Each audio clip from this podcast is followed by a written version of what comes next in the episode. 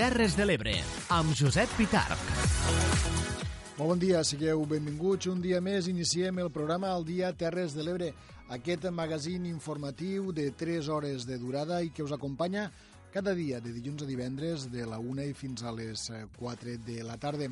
Com dèiem, eh, quan són 5 els minuts que passen del punt de la 1, és hora ja d'arrencar aquest espai un espai que de manera conjunta us oferim a través de sis dials de sis emissores municipals de ràdio de les nostres terres i a través també, i gràcies sobretot, a la feina que fan les companyes i companys de cadascuna d'aquestes emissores. Tere Giné i Clara Seguí des de la Plana Ràdio, Núria Mora, Clàudia Ruiz i Javier Falcó des de Ràdio Tortosa, Laia Oltra, Francesc Callau i Daniel Rodríguez des de la Cala Ràdio. Judit Castells, Jonathan Valls, des de Ràdio Joventut, Eduard Carmona i Leonor Bertomeu, des de Ràdio Delta, i Tomàs Ginestra, Jordi Galo i Manel Ramon, des d'Amposta Ràdio. Com els dèiem, 3 hores de programa, 3 hores d'informació, només i exclusivament de les nostres comarques.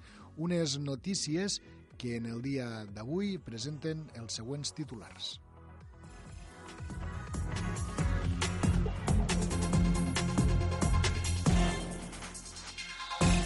La consellera d'Agricultura anuncia inversions de fins a 11 milions d'euros a les zones més afectades pel temporal durant la seva visita a Amposta. Teresa Jordà també realitza una visita tècnica a d'altres indrets, com ara les cases d'Alcanar i la Ràpita. La Generalitat farà obres d'emergència a sis punts afectats pel temporal Glòria per valor de 7 milions d'euros, entre ells els ports de la Mella de Mar, l'Ampolla i les cases d'Alcanar. Adif millorarà el sistema de drenatge i dos trinxeres en el tram de via entre l'Ampolla i el Perelló. L'alcalde d'Amposta suspèn el ple ordinari d'ahir el vespre a mitja celebració arrel del comportament incorrecte d'un regidor de Som Amposta. Un cop suspès el ple es van produir també aldarulls i fins i tot empemptes del portaveu de Som Amposta a l'alcalde i a un regidor. Alfons Montserrat i Norma Pujol lideraran la Federació de l'Ebre d'Esquerra Republicana de Catalunya. El projecte EMMA busca finançament per fer recerca sobre el càncer de mama des de les Terres de l'Ebre. L'Escola d'Art de la Diputació a Tortosa ofereix una vintena de propostes durant aquest segon trimestre. Detinguda una dona a Tortosa per estafar a una mare i a una filla discapacitades.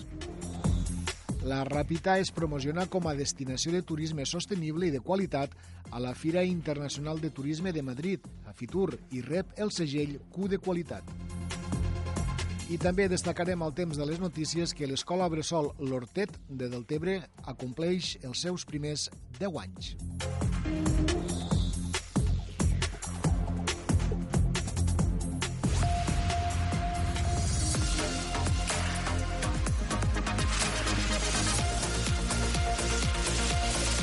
Al dia, les notícies de les Terres de l'Ebre.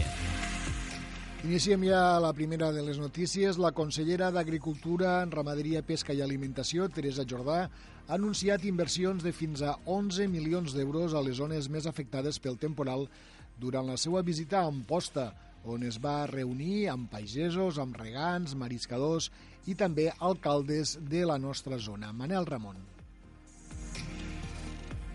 Doncs així és, efectivament, eh, Josep, ahir la consellera d'Agricultura, Ramaderia i Pesca, també d'Alimentació de la Generalitat de Catalunya, va visitar les Terres de l'Ebre, com ja vam avançar, pel matí es va reunir amb pescadors i mariscadors de la Ràpita i de les cases d'Alcanar, però ja per la tarda va fer una reunió més tècnica al departament, a l'oficina que ja a Amposta. Allí la consellera va acordar destinar 11 milions d'euros a línies d'ajuts i préstecs tous. A més, va anunciar la constitució de manera immediata de taules tècniques amb representants del sector per qualificar de manera més exhaustiva els danys en funció dels eh, cultius. La consellera feia una valoració ràpida del que podien haver estat les pèrdues, tot i que encara doncs, s'han doncs, d'avaluar, així ho deia.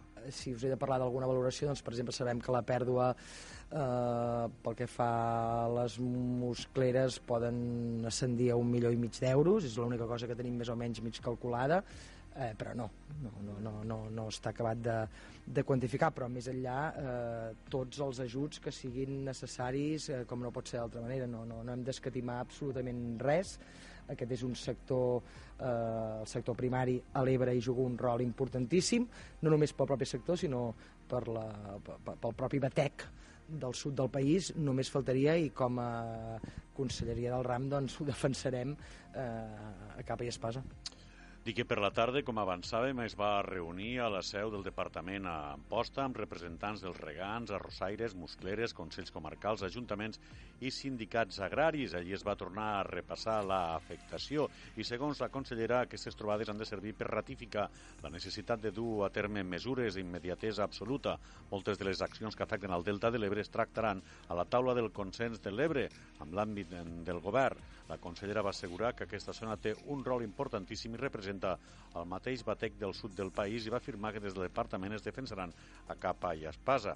Un fet ben valorat, en aquest cas, pel president de la comunitat de regants de la dreta de l'Ebre, Josep Manel Ferrer Aixendri, que parlava així de les properes reunions que el govern farà per donar solució a aquesta problemàtica. Però dins del govern, me sembla que ha dit demà o després demà, que tenen ja una reunió per a parlar de tot això i plantejar les línies d'ajut que puguen ser convenients, coordinant-se també les ajudes que puguen fer des de l'Estat.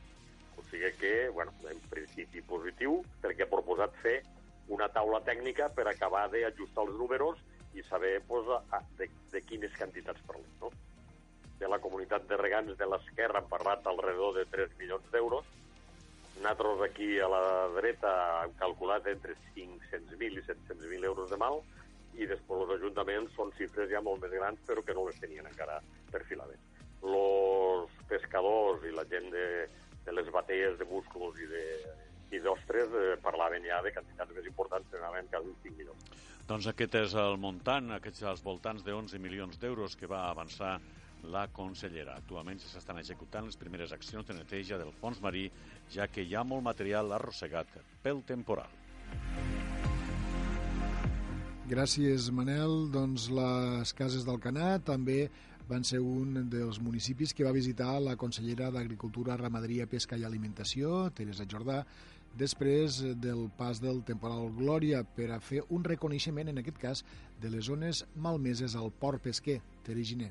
Efectivament, Joan Roig, l'alcalde d'Alcanar, i Raül Ribot, el secretari de la Confraria de Pescadors de les Cases, acompanyaven la consellera per a mostrar-li els desperfectes a l'escullera del port.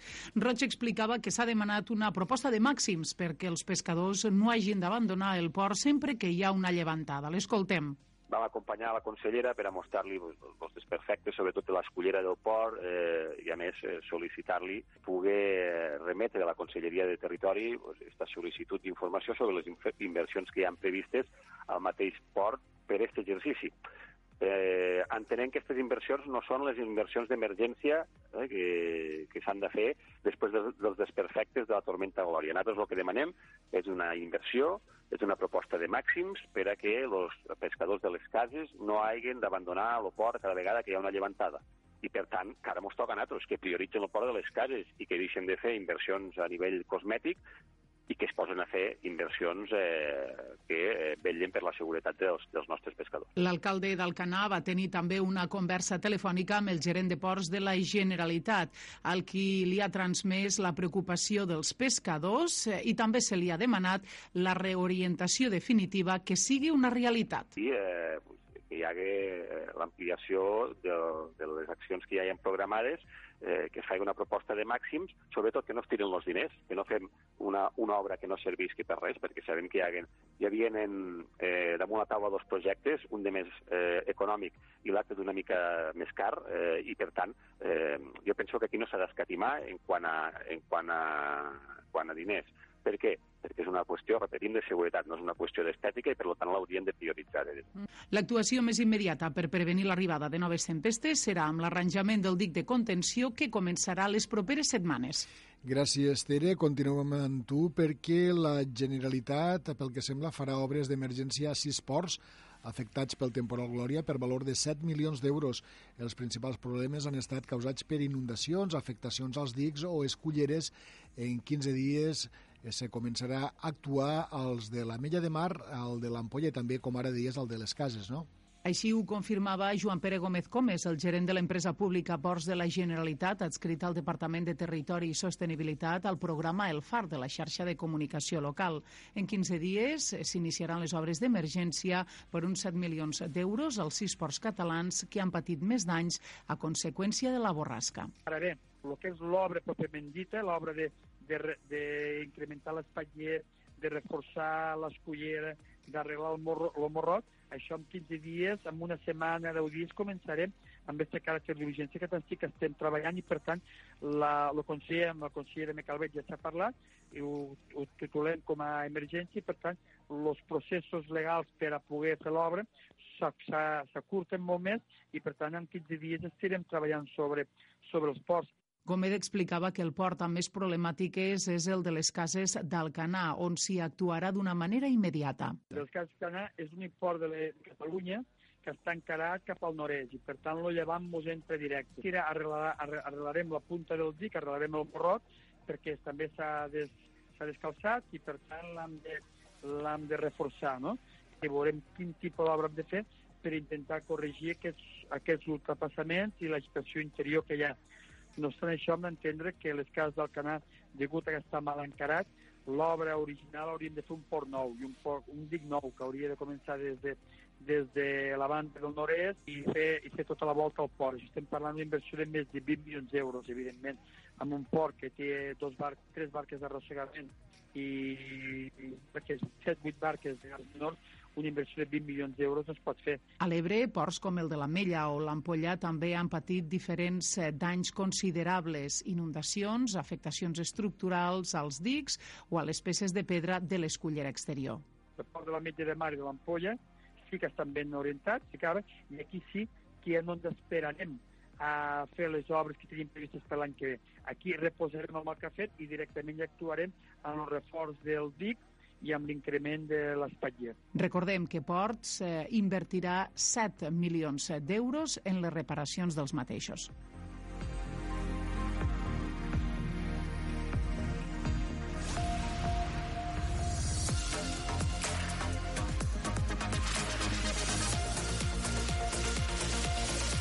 Al dia. Deixem ja totes les afectacions del temporal Glòria i passem a altres temes. Adif ha adjudicat per poc més de 560.000 euros dos nous contractes d'obres per millorar el sistema de drenatge i dos trinxeres en el tram de via del corredor mediterrani entre els termes municipals de l'Ampolla i del Perelló. Unes obres que han de servir per a solucionar problemes detectats i per evitar també despreniments. Francesc Callau. Sembla que no tenim aquesta crònica a punt.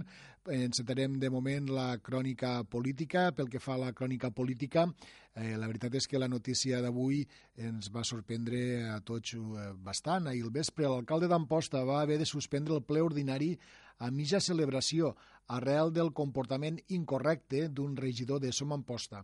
Una vegada suspès el ple, es van produir també aldarulls en eh, fer-se empemptes per part del portaveu de Som Amposta tant a l'alcalde, Adam Tomàs, com també a un regidor, Manel Ramon. Doncs així, els moments de tensió es van viure ahir al ple municipal d'Amposta, quan l'alcalde d'Amposta, Adam Tomàs, va suspendre el ple municipal quan es portaven 7 punts dels 14 de l'ordre del dia. La suspensió es va produir després d'un enfrontament verbal entre l'alcalde i el regidor de Som Amposta, Fèlix Aliau arrel de la defensa del territori i durant el punt que havia d'aprovar per unanimitat el suport de l'Ajuntament d'Amposta a la declaració de zona catastròfica del Delta de l'Ebre. La discussió va pujar de to fins al punt que l'alcalde va cridar eh, doncs, al representant de Som Amposta a l'ordre fins a tres cops. En veure que no s'atenia la demanda, l'alcalde li va demanar al senyor Fèlix Aliau que abandonés el ple, cosa que el regidor de Som Amposta es va negar a fer. L'alcalde va decidir suspendre el ple sota la mirada incrèdula de la resta de regidors i del públic assistent. Aquest fou el moment. L'escoltem. No, no, no, deixar-ho no. no. Si no, no senyor, si escolta, és que sap què passa? Que l'estem transformant un tema que havia de ser positiu pel territori, Escolta, que era escolta, la declaració... perdone, vostès van parar lo, lo, lo, lo escolta, de l'Ebre. Vostès van parar el senyor- de l'Ebre senyor de Liau, l'Ebre i està Liau. arribant allà, a Tarragona. Escolta'm, senyor Liau, vostès, li estic parlant... vostès, Senyor Liau, vostès l'estan lo parant? crido a l'ordre. No, no, me pot Lo- cridar lo el que crido- vulgui. Senyor Liau, Quan, vale, quan ha- lo torno a cridar, lo torno a cridar a l'ordre. Escolta, quan Terres de l'Ebre Senyor tira Liau, raó, per favor, per què no lo s'oposa al trasbasament? Abandone, abandone vostè el ple. Per Però tercera vegada li he dit, però abandone el les ple. Terres de l'Ebre l'abandonaré Liau, sempre. Senyor Liau, abandone el ple, per favor. No, no, no, senyor Liau, l'he cridat tres vegades Vostè a el que l'ordre. és és un manipulador, cridat- vale? cridat- perquè el trasbasament s'està fent a Senyor- Tarragona. senyor Liau. vale? I no han dit mai res vostès. Senyor Liau. Vostès s'oposen al pot- trasbasament, vostès? Senyor Liau, per favor, abandone el ple. Escolta, Abandone el ple. ho sento, ho sento, però per les Terres de l'Ebre no me'n vaig. Pues escoltem. Si vol, el que pot fer, ja ho sap el que té que fer si vol treure. Però jo, No, no, defensant jo- la jo meva no terra, res. Mira, no marxaré d'aquí. No passa res. No marxaré d'aquí. Si, si vostè no marxa, se suspèn el ple, en tot cas, perquè hi ha un regidor que se l'ha cridat tres vegades a l'ordre i no ha fet cas, i per incompliment del ROM s'aixeca el ple, s'aixeca la sessió. Doncs aquesta és possiblement la primera vegada que se suspèn un ple de l'Ajuntament de la ciutat. De totes maneres, un cop els regidors van abandonar el saló de plens, es va produir un aldarull entre l'alcalde i alguns regidors de l'equip de govern i de som Amposta arribant fins i tot a produir-se algunes empentes, el que va provocar la intervenció de la resta de regidors per apaivagar la situació quan el regidor Germán Siscar va empentar a l'alcalde i també a un altre regidor de l'equip de govern. Aquest fet posa de manifest, segons l'alcalde, la necessitat de modificar el reglament orgànic municipal per evitar que situacions d'aquest tipus es tornen a repetir, ja que els representants de Som Amposta a l'Ajuntament actuen, diu, de manera airada sovint. Per la seva part, Fèlix Aliau de Som Amposta es mostrava contraria, contrariat pel que havia passat, però continuava doncs, exercint pressió sobre l'alcalde en nom de la defensa del territori. La portaveu del Partit dels Socialistes, Anna Tomàs, va recordar que aquesta era una situació que es ve a venir, donat eh, les formes que utilitzen els regidors de Som Amposta durant el ple. També Manel Macià, portaveu de Junts per Amposta, es mostrava sorprès per lo succeït, assegurant que el ple ha de ser el lloc per debatre idees, sempre dintre de la correcció i de la recerca de lo millor per als ciutadans i ciutadanes d'Amposta. El ple, que no es va reanudar, deixa pendent l'aprovació de zona catastròfica del Delta amb el suport de l'Ajuntament d'Amposta, una qüestió que l'alcalde va assegurar s'aprovarà igualment en Junta de Govern. Lamentem, lamentem aquests fets, eh, tot i que continuem parlant de política. La Federació de l'Ebre d'Esquerra Republicana acaba de renovar la seva executiva territorial en un congrés que s'ha dut a terme a Arnes. No ha hagut sorpreses, ja que de fet es presentava una sola candidatura, Judit Castells. Efectivament, se presentava una única candidatura integrada per Alfons Montserrat com a president, Norma Pujol com a secretària general i un equip de 13 membres de les quatre federacions comarcals. La candidatura va rebre el suport de la militància amb el 97,6% dels vots favorables i el 2,4% d'abstencions. Alfons Montserrat explica que és una llista continuista que combina experiència amb gent jove que té gran capacitat de gestió. A més, destaca que és un equip paritari, format per sis homes i set dones, on s'incorpora com a novetat la figura de la secretària general i que manté un gran equilibri territorial amb cinc membres del Montsià i del Baix Ebre, tres de la Ribera d'Ebre i dos de la Terra Alta. Per la seva banda, la secretària general, Norma Pujol, explica que els principals objectius que s'han marcat és continuar creixent per ser una eina útil i guanyar terreny en justícia social, així com també en igualtat d'oportunitats. Gràcies, Judit. Doncs la deltebrenca Vanessa Callau ha estat una de les noves incorporacions en aquesta nova executiva territorial d'Esquerra Republicana de Catalunya, Leonor Bertomeu.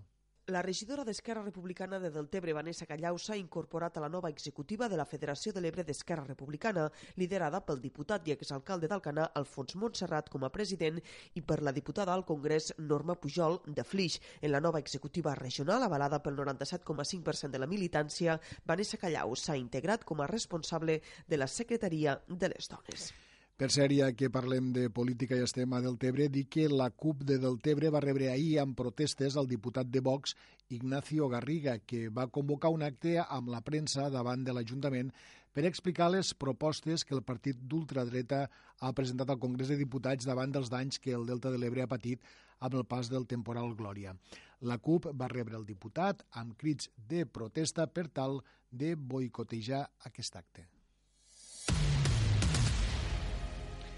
Reemprenem ara la notícia que els comentàvem abans i que fa referència a la línia de tren. La General Adif, en aquest cas, ha adjudicat per poc més de 560.000 euros dos nous contractes d'obres per millorar el sistema de drenatge i les dues trinxeres en el tram de via del corredor del Mediterrani entre els termes municipals de l'Ampolla i del Perelló, unes obres que han de servir per a solucionar problemes detectats i per evitar despreniments. Francesc Callau. Per a millorar el sistema de drenatge en un tram d'un quilòmetre 300 metres de distància, s'ha dissenyat la construcció de dos tipus de cunetes per l'evacuació de les aigües. També es construirà un nou mur de formigó amb tanca metàl·lica a la part superior i es reposaran les canaletes de cablejat de senyals i comunicacions. D'altra banda, també es tractaran dues trinxeres de 200 metres de longitud cadascuna.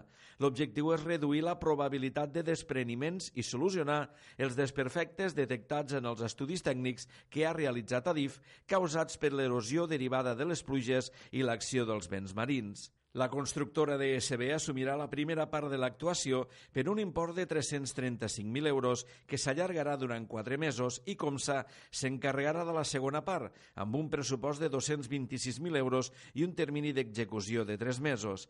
Aquestes obres se sumen a les adjudicades recentment en el tram entre l'Aldea i Tortosa. I canviant de tema, els explicarem que la Fundació Doctor Ferran i el grup de recerca en patologia oncològica i bioinformàtica de les Terres de l'Ebre han obert aquesta setmana una campanya de mecenatge per fer realitat el projecte EMMA. Es tracta d'una iniciativa ebrenca que vol impulsar la recerca i la investigació sobre el càncer de mama. Clàudia Ruiz. Es tracta d'un dels càncers que més afecta les dones, concretament a una de cada nou.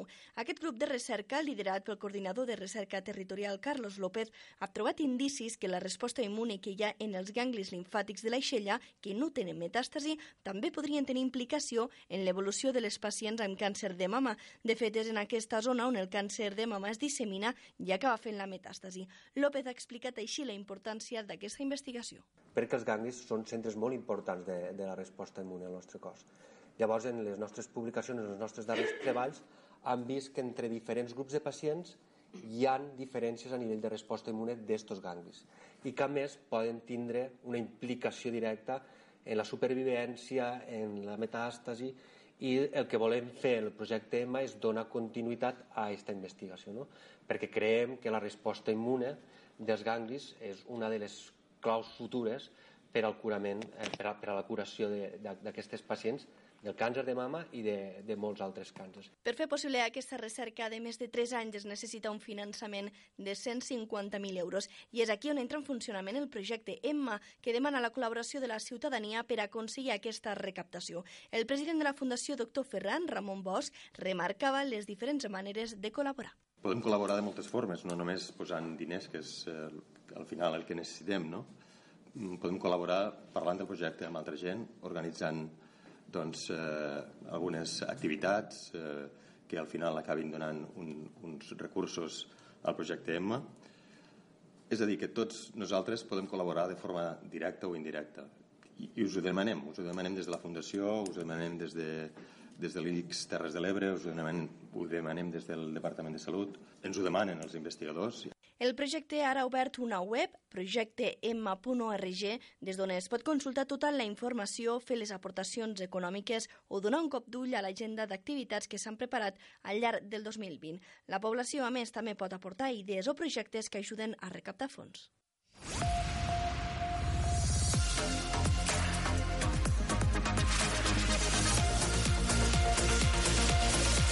Al dia. En la crònica del fet divers explicarem que els Mossos d'Esquadra van detenir una dona de 32 anys de nacionalitat espanyola i veïna de Tortosa com a presumpta autora d'un delicte d'estafa. La detinguda hauria estafat en els últims 5 anys un total aproximat de 61.820 euros a una víctima i 1.500 euros a la filla d'aquesta valent-se de la vulnerabilitat de les víctimes ja que pateixen amb dues discapacitat mental i aprofitant la confiança que tenien dipositada en ella per la relació d'amistat que les unia sota el pretext d'ajudar-les arran de dos deutes que havien adquirit una d'elles amb l'adquisició d'un vehicle i també de llibres. Per a convèncer les víctimes, la detinguda va idear la figura d'una suposada abogada que se n'encarregaria de gestionar els deutes amb els organismes reclamants. D'aquesta manera va aconseguir rebre de bona fe, per part de les víctimes, dos llibretes bancàries, de les quals durant anys va estar realitzant disposicions en efectiu dels diversos rendiments de treball i prestacions que rebien. La detinguda també va limitar la disposició de diners de les víctimes durant cinc anys a un total d'entre 15 i 30 euros setmanals, amb els quals havien de fer front a totes les despeses familiars, deixant-les, per tant, en una situació d'extrema necessitat i atemorint-les que si intentaven fer qualsevol consulta sobre l'estat dels comptes o realitzar un moviment bancari, un jutge podria retirar la custòdia de la filla, aleshores menor d'edat, pel simple fet de ser discapacitada mental. A dia d'avui, els deutes per l'adquisició del vehicle i per la compra de llibres continuen vigents amb l'aplicació dels corresponents interessos afegits. La detinguda va quedar en llibertat després de declarar en seu policial a l'espera de, ser, de ser citada per l'autoritat judicial. Per altra banda, els Mossos d'Esquadra van detenir també un home de 47 anys per dos presumptes furs a una empresa de Mora la Nova. Pels mateixos fets busquen un segon home que encara no ha estat localitzat. Els autors dels fets haurien accedit per la força en dues ocasions al recinte exterior d'una empresa d'excavacions ubicada al polígon dels Aubals i haurien sostret diferents bateries de diversos tipus de vehicle, gasoil, també, cable de coure i diferents peces metàl·liques per un valor total d'uns 8.000 euros. Segons la policia, els dos homes són delinqüents reincidents habituals amb nombrosos antecedents per fets similars. L'arrestat va quedar en llibertat després de passar a disposició judicial. Temps ja per a la cultura. L'Escola d'Art de la Diputació a Tortosa ha iniciat el segon trimestre amb una oferta formativa de més d'una vintena de propostes. Aquestes activitats van adreçades tant a alumnes, professionals, artistes, com a totes aquelles persones interessades. Clàudia Ruiz. Sí, és que només fan falta posar les ganes per aprendre i gaudir de l'art, la cultura, la conservació i les noves tecnologies. En aquest segon trimestre es troben de nou una gran varietat d'activitats. La ceràmica en serà una d'elles, amb tallers des de la iniciació al torn amb baixa temperatura fins a tècniques com el racú d'origen oriental. També s'oferiran tallers de pintura, gravat i dibuix també per a còmic. En l'àmbit de la restauració sobre el taller i projecte Tu ets patrimoni, que vol posar en valor els records de les persones a través dels objectes i el patrimoni patrimoni popular del territori. L'Escola d'Art també presenta accions formatives especialitzades que van des del dibuix de model i la conservació d'escultura moderna i contemporània fins a cursos de maquetació amb Adobe InDesign o disseny 3D. La directora del centre, Pili Lanau, destaca la gran varietat de cursos per a totes les edats. Eh, penso que, que l'escola, la, la virtut que té és que donem un, cada vegada un ampli ventall no? més, més de, de cursos ven una mica també, eh, una, el que forma part del nostre ADN, dos, intentant ser contemporanis del nostre propi temps, no? Vull dir, això està clar. I tenim la sort que, que um, tenim alumnes entre 14 i 80 anys, per dir jo crec que n'hi ha algun de 80, no? que s'estan adaptant a, a, a lo que serien els objectius acadèmics que ens marquem cada any, però que realment um, és un ampli ventall de, de, de públic que es va ubicant no? a, a, en allò que ell necessita. Finalment també s'ha programat la segona edició de la proposta a pastar fang en el marc del programa Art en Família. El taller apropa als més menuts els objectes d'ús diari des de la perspectiva artística, funcional i ecològica, tot creant i dissenyant objectes de ceràmica per al jardí, la taula i la cuina. Podeu consultar tota aquesta oferta a la web de l'escola i formalitzar les matrícules de les accions formatives al mateix centre educatiu i fins i tot fins al mateix dia d'aquestes activitats. Tornant a la crònica municipal, l'Oficina de Turisme de la Ràpita ha rebut el segell Q de qualitat turística durant la Noche Q, en el marc de la Fira Internacional de Turisme de Madrid, FITUR, que va tenir lloc el passat dijous, eh, va rebre, de fet, aquest guardó el passat dijous, a la capital de l'Estat. Judit Castells un segell, aquest de la Q de qualitat turística Fitur, que és un distintiu que atorga l'Institut per a la Qualitat Turística Espanyola per tal de reconèixer l'esforç que fan les empreses i les institucions turístiques en la implantació d'un sistema de qualitat. De fet, l'Oficina de Turisme de la Ràpita ja el va aconseguir el passat mes de juny després d'haver assolit els requisits delicte. En la seva estada, la fira de turisme més important de l'estat espanyol, a l'estat de les Terres de l'Ebre, de la Diputació de Tarragona, la delegació rapitenca, formada pels responsables de l'estació nàutica va poder reunir-se també amb els turoperadors en línia, així com també amb els proveïdors tecnològics per tal de seguir innovant en la comercialització dels productes turístics. A Catalunya ara són set les oficines de turisme que han aconseguit certificar-se amb aquest segell de qualitat. L'oficina de turisme de la Ràpita passa així a ser l'única oficina de turisme que ostenta aquesta certificació de qualitat a la província de Tarragona, que és un aval a la qualitat del servei i que s'obté com un pas més en el camí iniciat per arribar a ser una referència en el sector. I l'escola Bressol L'Hortet de Deltebre complirà el proper cap de setmana 10 anys de la seva posada en funcionament, que va ser el 2 de febrer del 2010. El centre, gestionat per l'Onada Bressol, segueix el mètode educatiu Montessori i actualment compta amb una quarantena d'alumnes. És una crònica de Marina Villegas. El mètode Montessori va adreçat principalment als infants i consisteix en que experimentin per ells mateixos l'entorn que els envolta. Una pedagogia diferent que els ajuda a desenvolupar la seva personalitat i les seves capacitats socials, emocionals i intel·lectuals.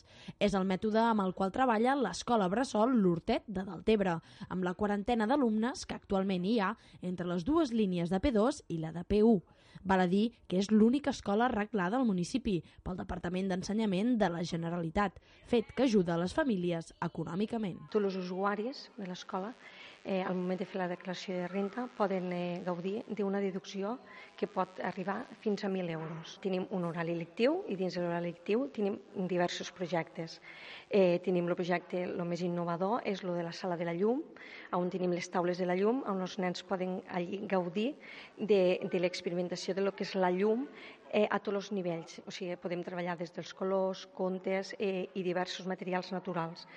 A part tenim la psicomotricitat i a més a més eh, cada setmana eh, tenen una au pair que ve a donar les classes d'anglès. Un mètode que l'alcalde del municipi, Lluís Soler, ha valorat positivament durant la seva visita a l'escola Bressol, on ha pogut conèixer les diverses reformes, tant exteriors com interiors. Poder-li donar pues, aquestes derivades eh, més pròpies de, pues, del sistema Montessori o de lo que seria eh, l'aula de la, la llum o l'aula de psicomotricitat adaptat tot per als nostres xiquets i xiquetes pues, són avenços que sempre són bons per donar valor afegit i per poder no, eh, despertar més habilitats i més inquietuds entre els nostres eh, més petits. El pròxim mes de febrer, l'Escola Bressol L'Hortet celebrarà 10 anys des de la seva creació, una fita que des del centre agraeixen a l'Ajuntament, a l'ONADA i a totes les famílies que els hi han fet confiança fins ara i a les que esperen que vindran. Moltes gràcies, Marina. I per acabar, dir que la primera nit de la comunicació de l'Ebre, organitzada per la demarcació del Col·legi de Periodistes aquí al territori, ha, sigut un èxit total, un total de 47 professionals de la comunicació van viure amb emoció aquesta festa, que vol convertir-se també en un punt de trobada anual. La primera nit de la comunicació va voler recordar tots els periodistes i comunicadors que s'han jubilat en els darrers anys aquí a la demarcació, un total de 12 persones que en molts de casos han sigut mestres i referents a seguir pels nous professionals que han anat entrant en aquesta professió. Estem parlant de Daniel Arassa, de Josep Ballerri, de Conrad Duran, Joan Esteller, Javier Garcia, Joan Llaunes, Amparo Moreno, Pilar Rodríguez, Josep Roig, Ignasi Vidal i Josep Lluís Villa. Tots van rebre, agraïts i emocionats, el merescut reconeixement a la seva llarga trajectòria.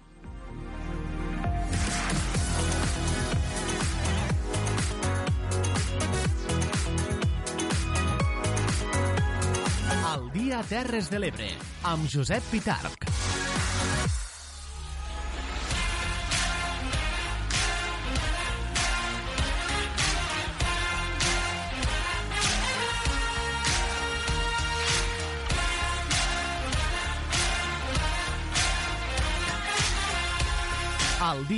Els esports de les Terres de l'Ebre.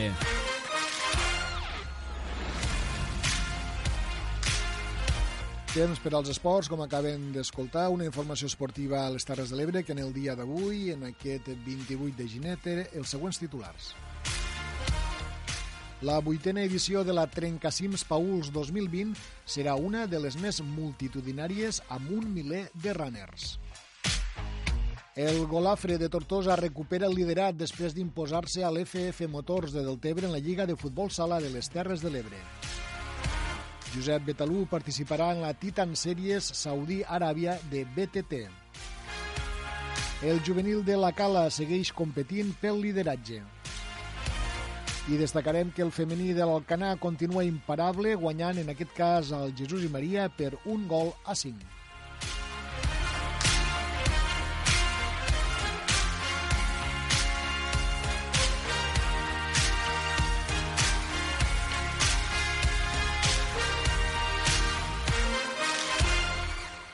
La vuitena edició de la Trencacims Pauls 2020 serà una de les més multitudinàries i és que vuit anys després l'evolució d'aquesta cursa té unes xifres de rècord.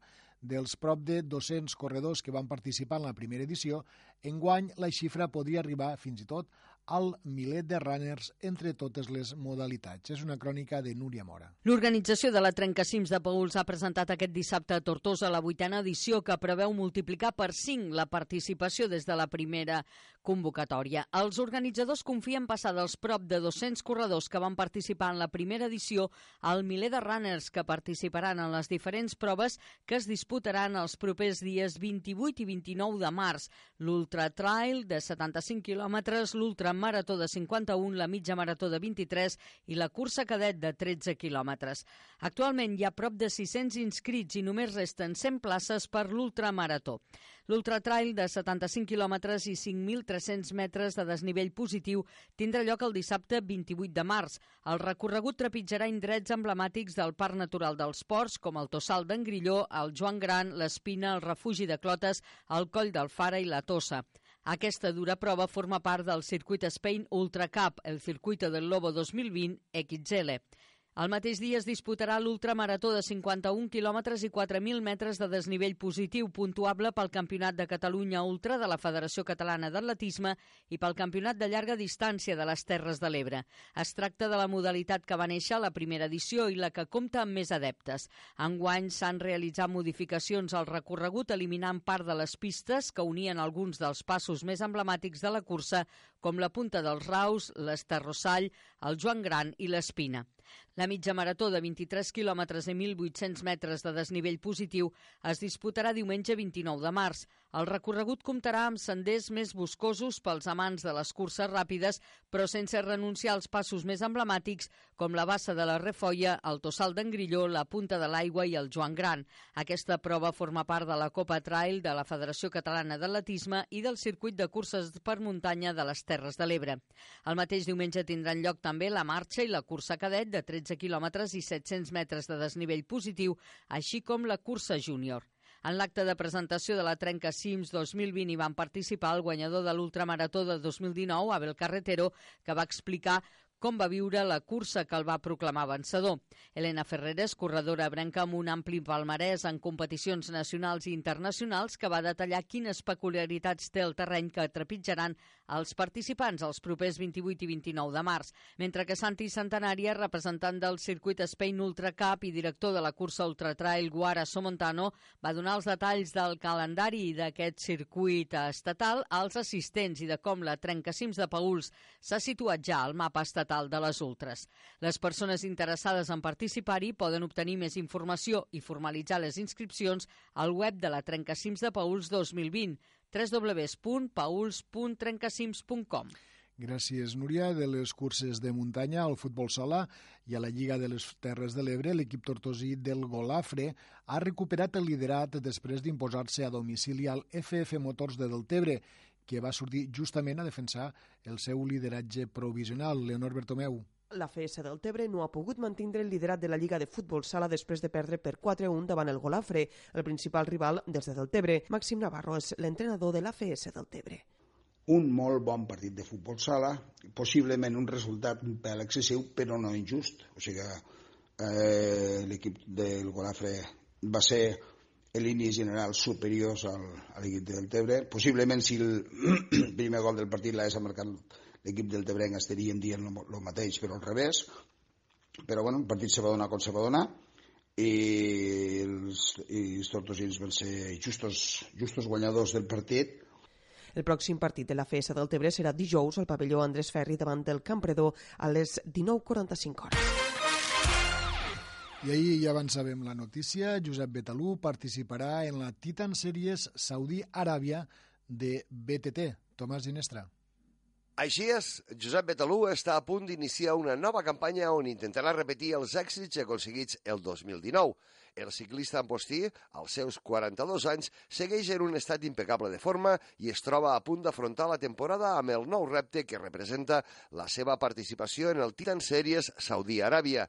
Aquesta serà la primera edició d'una prova que neix enmig de molta expectació i amb les inscripcions tancades a causa de l'èxit assegurat de participació. La Titan Series Aràbia Saudita es disputa del 29 de gener a l'1 de febrer i serà la primera cita de l'any dins de l'agrupació de competicions. RPM Marketing és la empresa organitzadora d'aquests esdeveniments, que forma part del gegant ASO, la mateixa companyia que posa en marxa proves com el Tour de França o el Rally Dakar. Gràcies, Tomàs. Temps ara per al futbol. El juvenil de la Mella de Mar va assolir una important victòria el passat dissabte al camp del Jesús i Maria en la seva particular lluita pel lideratge de la competició amb el futbol formatiu Terres de l'Ebre, que després de recuperar els dos partits ajornats s'ha situat líder en solitari. Francesc Callau. Els caleros que es van avançar al marcador van veure com els anfitrions empataven el partit al començament de la segona part, tot i que Javier Califi, que va fer els dos gols, va convertir el 2 a 1 definitiu al minut 73, en un partit en el qual, per ocasions, els caleros mereixien un resultat més còmode. Ara el juvenil és segon a 3 punts del líder, el futbol formatiu Terres de l'Ebre i a 3 punts per sobre dels seus perseguidors, l'Olímpic Mora d'Ebre i l'Ebre Escola B, tot i que els caleros han jugat un partit menys. Pel que fa al cadet, els de la Mella de Mar van tenir dissabte jornada de descans. El fet de no puntuar ha permès a l'Amposta situar-se de nou com a líder amb 3 punts de diferència sobre els de la Mella de Mar, tot i que l'Amposta encara ha d'afrontar la jornada de descans. Dissabte els dos equips es disputaran el lideratge al camp de la Cala. L'infantil, per la seva part, es va desfer a domicili del Mor a la Nova per 0 gols a 10 i es consolida com a tercer classificat. Diferent és la trajectòria dels alevins. L'Alevi A de preferent va perdre per 0 a 11 amb el Valls i l'Alevi B va perdre per 12 a 0 a la Sènia. Tots dos són cuers a les seves lligues amb 0 punts. Quan al Benjamí Federat, els caleros van perdre davant d'un Jesús i Maria que des de la segona posició a la classificació va ser superior. Ara els de la Mella de Mar són sisens. En futbol escolar, doble victòria. El Benjamí Llobarrets va golejar per 9 a 2 al Jesús i Maria i el prebenjamí Saitonillos va guanyar 0 a 2 a l'Aldeana. Gràcies, Francesc. I encara parlant de futbol, el dissabte el femení de l'Alcanà es va desplaçar al camp del Jesús i Maria per encarar la 14a jornada de la Lliga femení F7 Terres de l'Ebre. Tot i la pressió que el Jesús i Maria va posar a les Canareves, aconseguien finalment aquestes vèncer per 1 a 5 una jornada més. Clara a seguir. El partit va començar amb molts nervis per part dels dos equips. Les canareves es mostraven incòmodes al camp, però a poc a poc van començar a crear alguna jugada de perill. Les locals, però, pressionaven fent que la pilota des de darrere fos difícil. El primer gol va arribar al minut 4, obra de la canareva Imma Soler. Mireia Fibla, la capitana, feia el 0-2 al minut 14 i Maria del Carmen Prieto anotaria el 0-3 als 30 minuts de partit, amb el qual es tancaria la primera part. A la represa, les del Canà sortirien molt més centrades i, tot i les dificultats que els posarien les rivals, es van fer dominadores de la pilota i del joc, arribant al final de l'encontre amb un clar 1 a 5. El primer i últim de les visitants arribava al minut 61, obra de Mireia Martín, la qual tancaria el marcador. Mireia Fibla és la capitana del femení Alcanar. Partit complicat que vam disputar esta setmana contra el Jesús i Maria, on el rival ens pressionava molt, feia que no poguéssim fer el nostre joc i, a més, no, no, no ens sentíem còmodes al començament del partit allí al camp, ja que no controlàvem bé la pilota, les passades no anaven bé. Però tot això, a poquet a poquet, quan ja vam ser més dominadores de la pilota, teníem més el control, va fer que, que anéssim pujant els, els gols. Sí que és cert que el primer va arribar molt ràpid, però els altres van tardar un poquet per tot això que acabo de dir. Eh, a més, eh, també degut a l'entitat del rival, ja que són equips de la part alta de la classificació que que estan acostumbrats a jugar contra nosaltres fan que els partits siguin molt vistosos, molt agradables de veure a la gent del públic i, i que d'un cert nivell. Amb aquest resultat, el femení Alcana continua líder del futbol femení F7 Terres de l'Ebre amb 39 punts, amb la plana de Santa Bàrbara. Le segueix la plana B amb 33 punts. Tot i el lideratge, la capitana del femení Alcana afirmava que encara no és important la posició, ja que els queda un partit per acabar la primera volta. La propera jornada les canareves jugaran a casa contra el Ginestar, equip que ocupa la cinquena posició.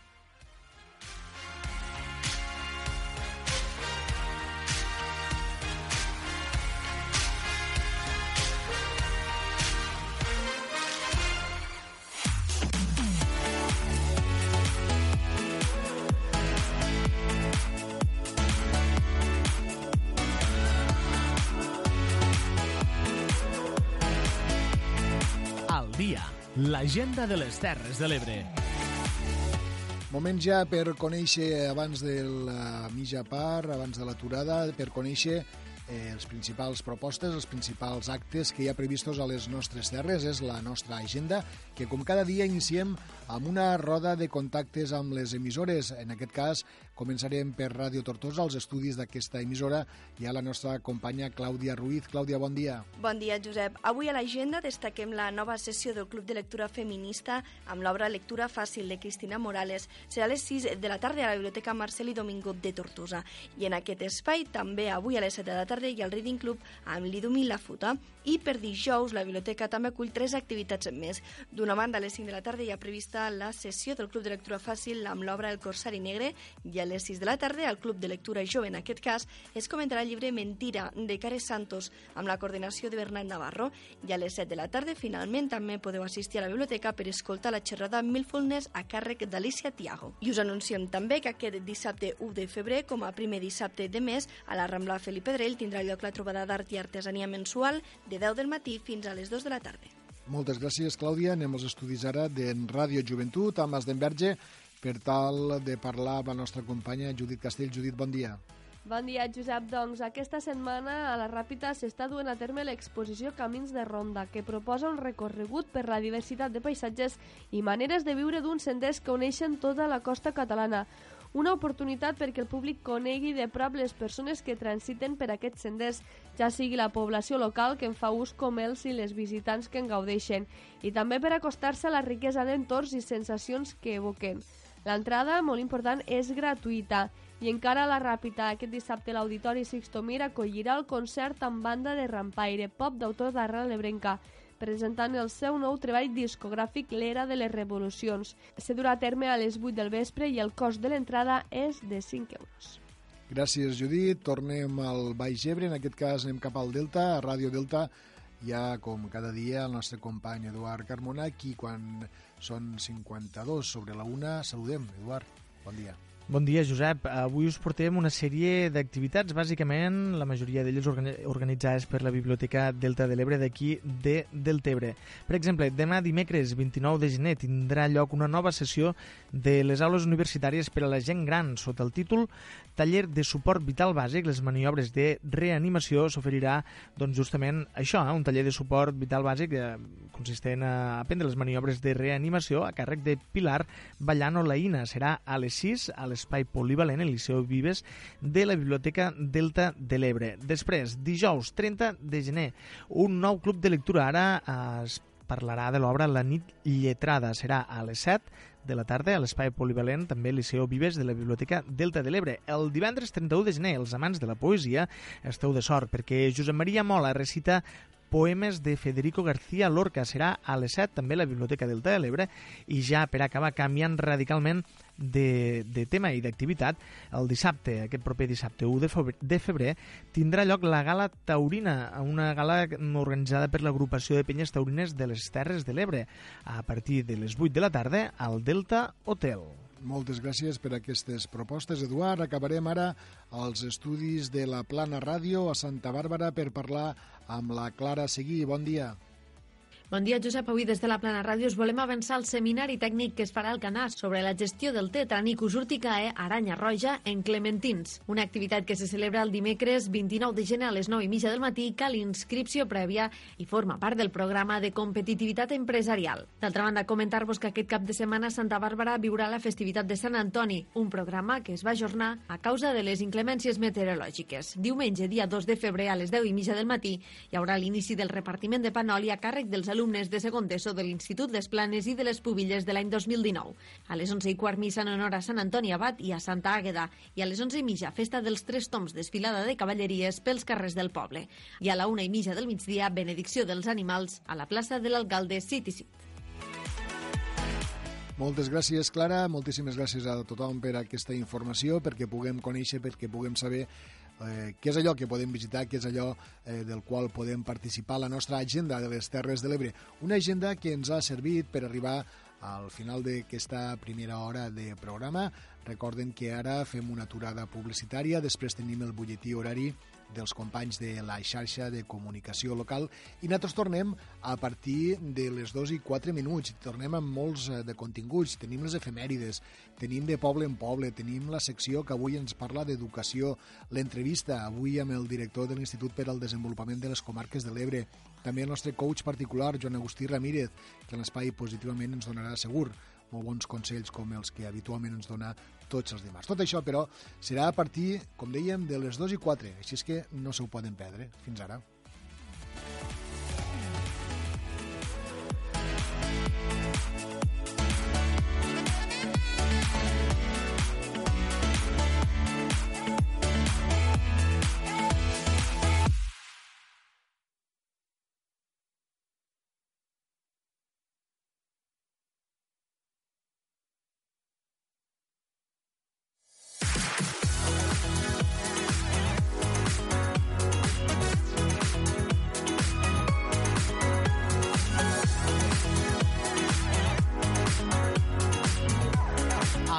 Terres de l'Ebre, amb Josep Pitarch.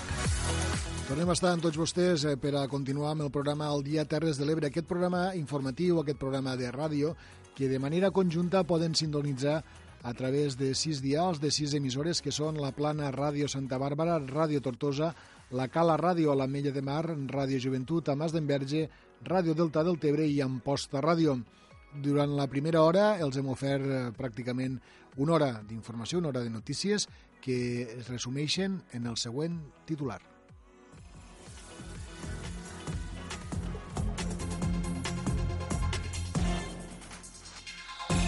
La consellera d'Agricultura anuncia inversions de fins a 11 milions d'euros a les zones més afectades pel temporal durant la seva visita a Amposta.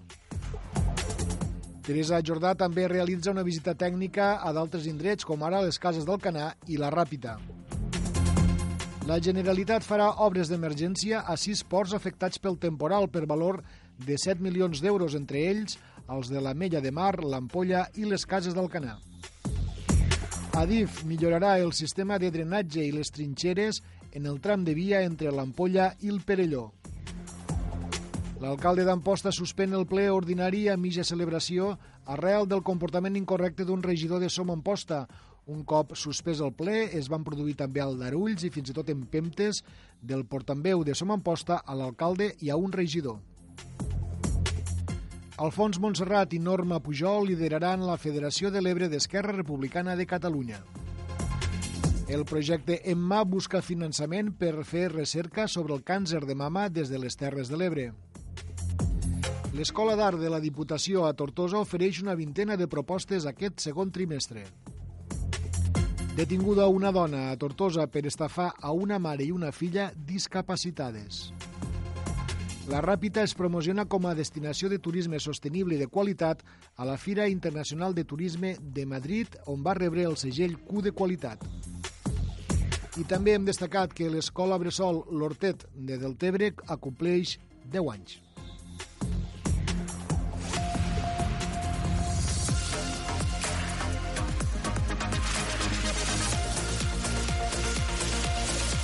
Al dia. I després de conèixer els titulars, ara anem a conèixer què va passar el dia com avui, què va passar un 28 de gener. Són les efemèrides de Maria Barberà.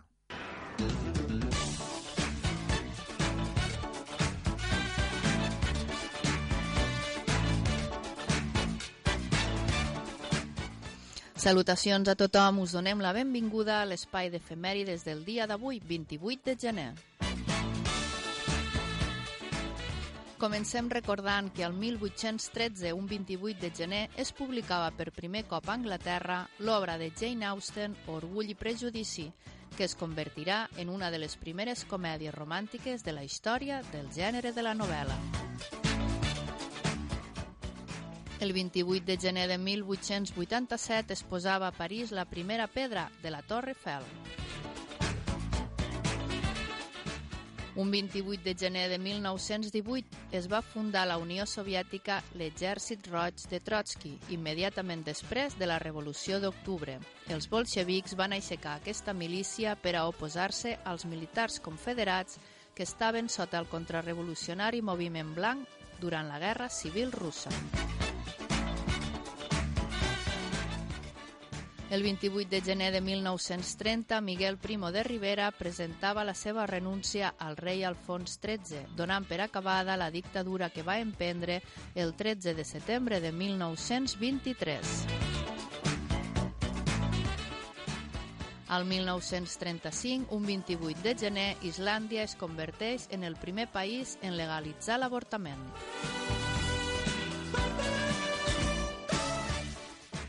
El 28 de gener de 1951, Estats Units realitza una explosió atòmica experimental al desert de Nevada. Uns anys més tard, al 1958, es crea el popular joc Lego, que consisteix en blocs de plàstic interconnectables. El 28 de gener de 1986 feia explosió el transbordador espacial nord-americà Challenger, després d'enlairar-se a Cabo Cañaveral. A l'any 2000, també un 28 de gener, conclogué el Fòrum Internacional d'Estocolm sobre l'Holocaust amb la intenció de rememorar i honorar a les seves víctimes. El 28 de gener de 2013, la reina Beatriu d'Holanda abdica en el seu fill Guillem. I fins aquí el repàs a les efemèrides del dia. Feliç jornada!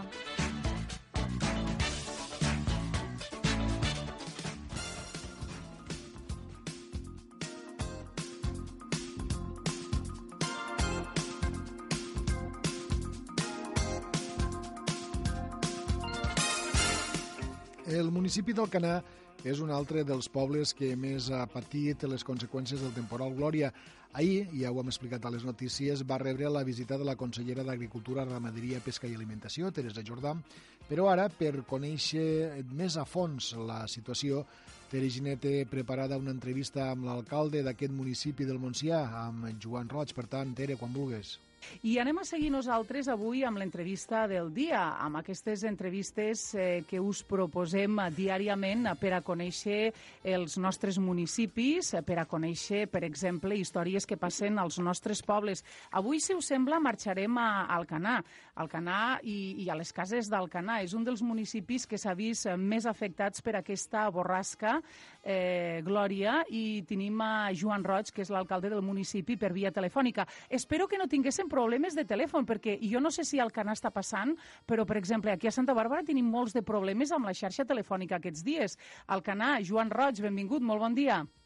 Hola, molt bon dia, Tere. Mira, és una de les, de les eh, màximes reivindicacions, les més importants que han tingut després del pas de la tempesta Glòria, que és eh, la mancança en quant a comunicacions. Eh, els mòbils encara no funcionen al 100% ara, per tant, imagina't tu, enmig de la tempesta, eh, lo caòtic que pot resultar no poder comunicar-te ni amb els serveis d'emergència ni amb el propi, el propi equip de govern i encara més greu, una persona que li pugui passar alguna cosa degut a, a l'impacte d'aquest fenomen meteorològic no podia fer trucades en garanties a, precisament en això, serveis d'emergència, serveis mèdics, o a les persones que la poguessin ajudar. Per tant, és una de les reivindicacions eh, que millorem, que les eh, companyies de telèfons facin inversions al territori per a millorar les comunicacions, no només en, este, eh, en els cicles de, de tempesta, sinó eh, durant tot l'any, que hi ha mancances importants en aquest àmbit. I sempre està bé eh, reivindicar, sobretot quan eh, el focus mediàtic està centrat a, a, amb nosaltres, és quan hem d'aprofitar i hem de reivindicar. I jo espero eh, que no tinguéssim cap tipus de problema perquè també durant aquests dies amb, amb el magazín que us oferim amb la xarxa tenim aquestes incidències a causa de, dels telèfons. Però bé, nosaltres anem a centrar-nos amb el Canà i amb les cases del Canà perquè ahir, de fet, vau rebre una visita important. La consellera d'Agricultura i Pesca, Teresa Jordà, es desplaçava fins a les cases després d'aquest temporal eh, per a fer un reconeixement de les zones malmeses aquí al port pesquer i suposo que mostrar el, el compromís per part del govern de la Generalitat. Parla'ns d'aquesta visita, què és el que vau poder veure i quines van ser les impressions de la consellera. Molt bé, en primer lloc eh, cal agrair a la, a la consellera que faci aquesta visita a les cases del Canà, és important per a l'Ajuntament, és molt important també per a la confraria de pescadors de les cases. Ahir ens va acompanyar Raül Ribot, que és el secretari de la confraria, vam acompanyar la consellera per a mostrar-li els desperfectes, sobretot de l'escollera del port, eh, i a més eh, sol·licitar-li que pugui remetre a la Conselleria de Territori aquesta pues, sol·licitud d'informació sobre les inversions que hi han previstes al mateix port per aquest exercici.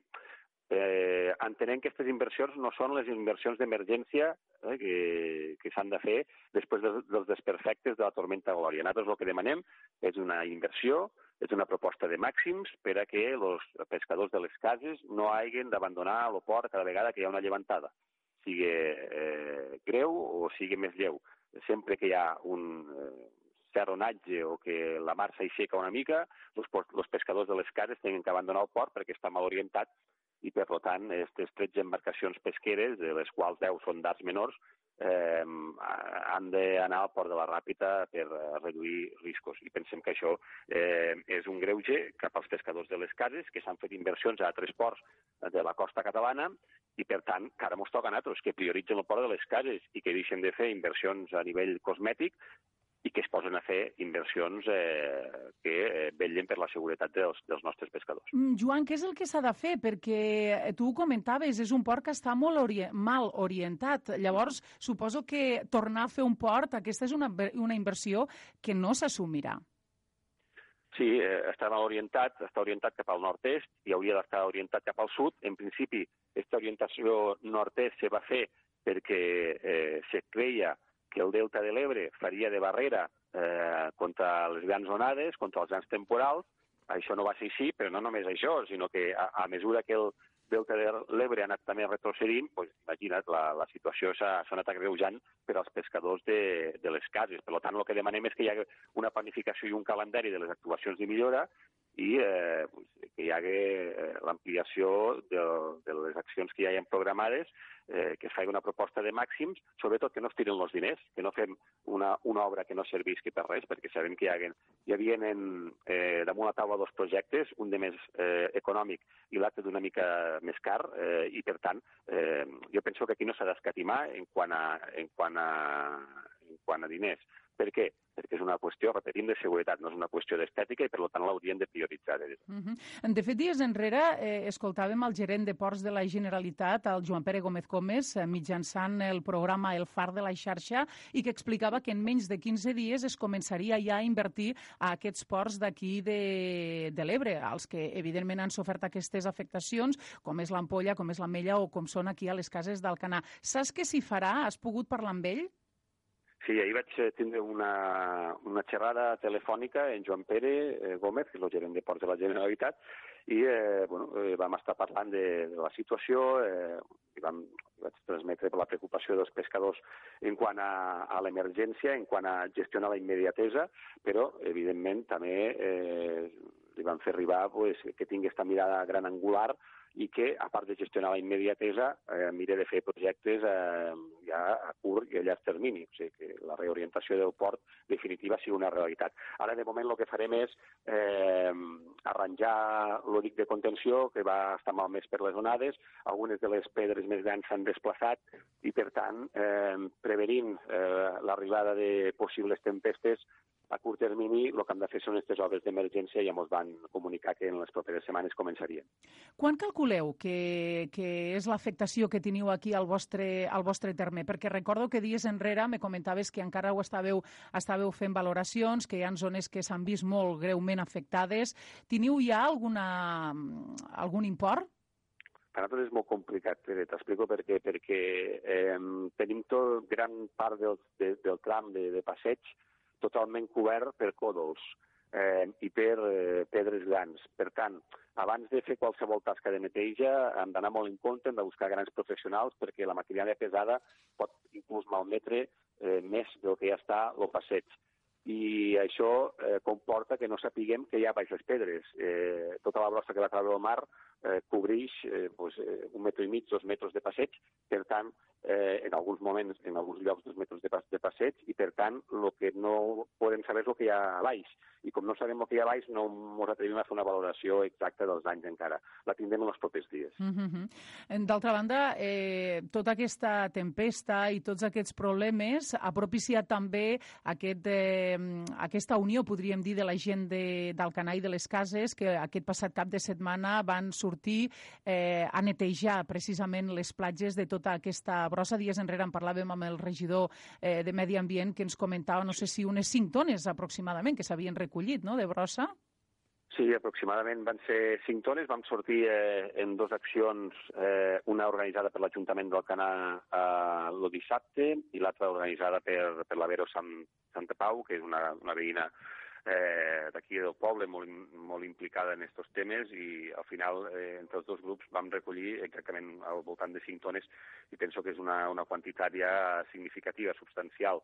A banda també eh, la gran eh, acollida que va tindre la iniciativa també eh, posa de manifest la gran solidaritat de, de la gent de, del poble en, en les cases i també la gent que va vindre de fora, eh, la qual també estem molt, molt immensament agraïts. Eh? I passat l'episodi del temporal, eh, i ha vist, en primera persona eh, també aquestes parts del municipi, penso que això també li va servir a la gent eh, a l'hora de xafar sobre el terreny. Eh, tots els desperfectes, pues, que hi hagués una, eh, diguem-ne, que empatitzessin, que interioritzessin, que palpessin no, les afectacions eh, al municipi i d'esta manera també, eh, d'alguna forma, eh, defensem amb més vehemència eh, que se mos eh, tingui en compte i eh, al final que s'acaben aquestes carències i aquest greuge cap al nostre poble i cap al nostre territori. Molt bé. Si et sembla, anem a parlar d'altres temes que també són importants per, a, per al municipi d'Alcanar, en aquest cas, perquè eh, avui ens agradaria abordar una altra qüestió important com, és, eh, com són les obres d'aquest eh, auditori, José Antonio Valls. Eh, recordem unes obres que en quin, en, quina, en quin moment estan aquestes obres ara mateix?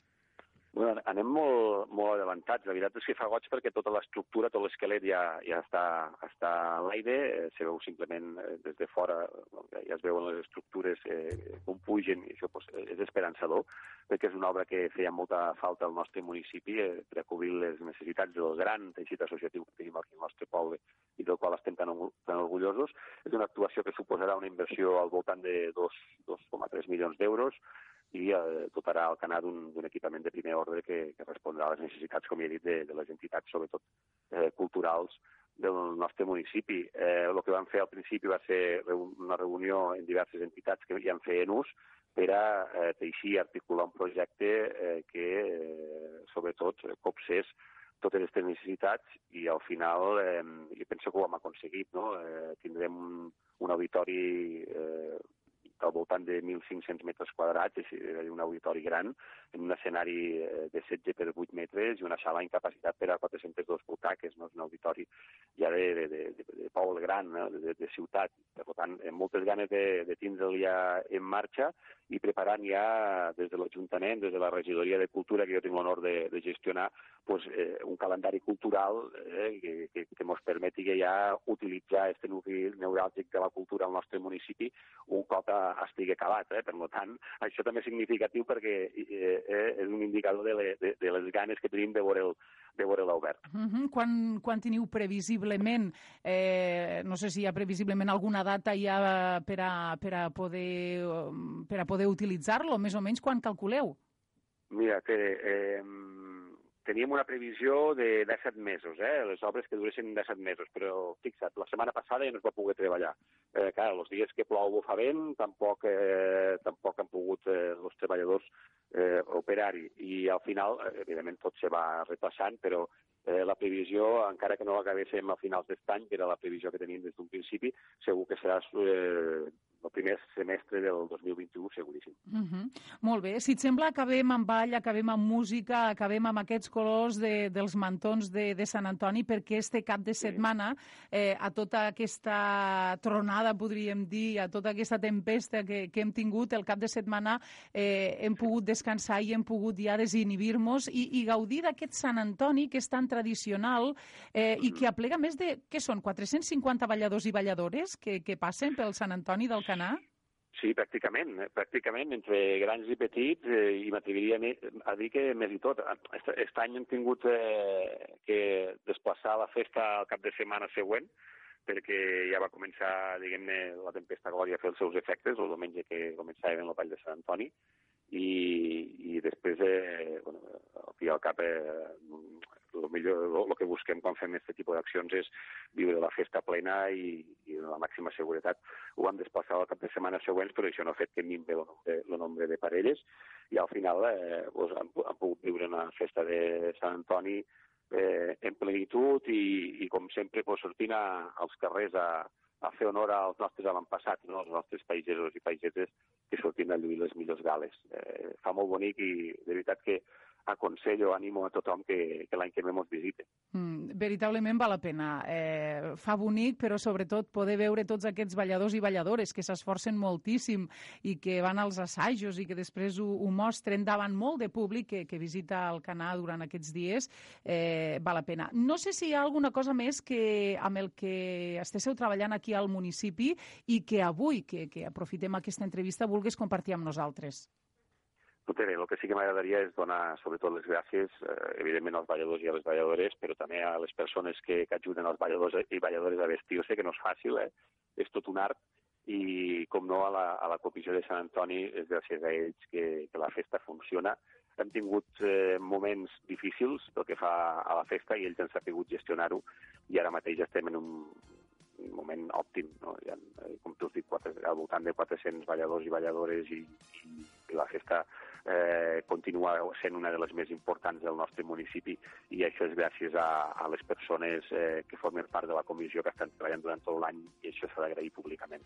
Eh, m'agradaria acabar l'entrevista en aquest agraïment públic i molt sentit des de l'Ajuntament d'Òdena. Per cert, jo vull acabar l'entrevista d'una altra manera. Tu també et vesteixes i també balles, Joan, o com està? I tant. Sí? I tant, i tant. I tant sí, també ets un ballador, no? De la festa ja fa molts anys que ballo ja fa molts anys que ballo. Això, eh, si ho fem bé malament, ja aquí ja no entren valoracions pròpies, però intentem contribuir en la, en la millor manera possible. Molt bé. Festes que passen de generació en generació. Moltíssimes gràcies, Joan eh, Roig, alcalde d'Alcanar. Moltes gràcies, Tere.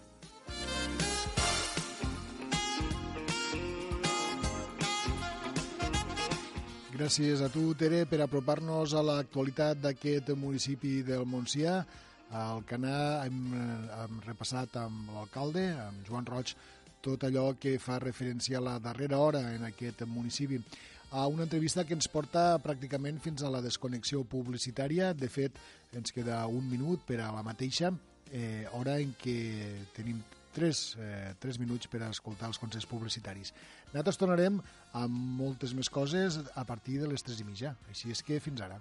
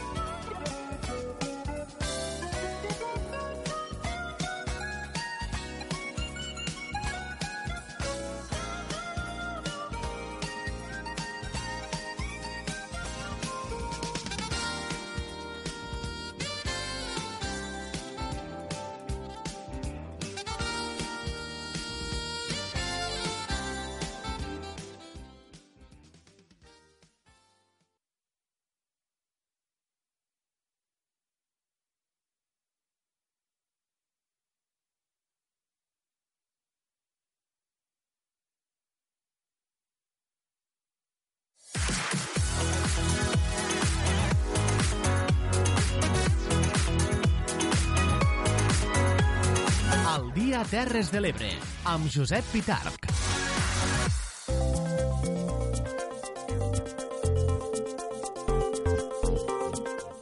En punt, les dos i mitja, és l'hora de passar a la col·laboració del dia. Avui és dimarts, per tant, ens toca parlar de coaching amb el nostre particular coach Joan Agustí Ramírez, d'aquí ja saludem. Joan Agustí, bona tarda. Bona tarda, Josep. Com està això?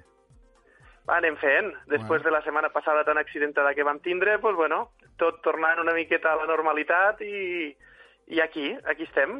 Molt bé, i nosaltres que m'ho alegrem, Joan Agustí, perquè avui de què, de què mos parlaràs? pues avui tenia previst tocar un tema que pareix mentira que en tants de mesos com portem col·laborant encara no havia sortit, i és la resolució de conflictes. Home, doncs és veritat, no n'havíem tractat, no? Sí, a més és, és un tema que diguem que està a l'ordre del dia, eh? vull dir, to- tots els dies tenim situacions que podríem catalogar com a conflictes i que, i que bueno, al final la tenim davant i què en fem en això? Perquè al final, Josep, què ens han ensenyat respecte als conflictes? Què és el, què és el que hem après? El que ens han dit sempre és que el conflicte és dolent o que una bona relació és aquella on no hi ha conflictes. Sí, Però la veritat és que després eh, ens topem amb la realitat.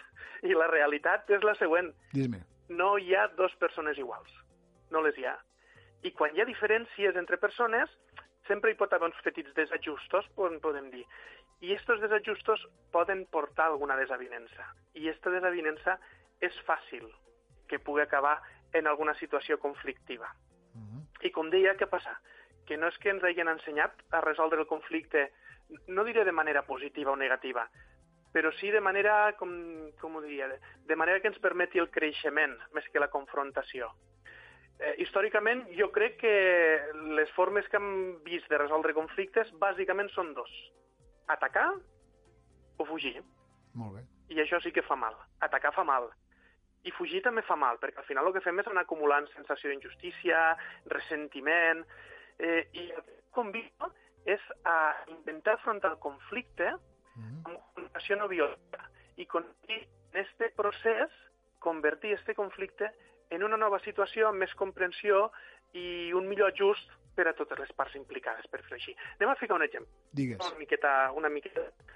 Imagina Yep, sembla que que tenim... el nostre... de. I nosaltres hem de tindre visites. Veritat que no passa mai això, Josep? No, Que els xiquets tinguen... que el fill adolescent tingui la visita és algo que no s'ha vist a cap casa. no, a cap. En, en aquesta situació, moltes vegades acabem a acusant, amb algun retret, amenaçant, fent xantatge, castigant o proposant un premi. No és més, al final, del que és utilitzar una conseqüència per a manipular la nosaltres volem. És aquest exemple, però podem utilitzar-ne qualsevol altre, eh, qualsevol diria també. Llavors, el que jo plantejo és que ho mirem des de la, de la següent forma. Davant de la situació que he explicat i que a nosaltres eh, en este pues, amb malestar, que és el que pot acabar en conflicte, preguntem-nos quina necessitat meua està cobrint l'escenari que vull. Sigui, jo vull que tingui l'habitació or- és la meva necessitat. La meva necessitat és tenir la casa al complet, sencera, que estigui ordenada, que sigui acollidora. Potser és una necessitat d'imatge, de, de què, vull, què vull projectar jo si veu una visita i veu la casa.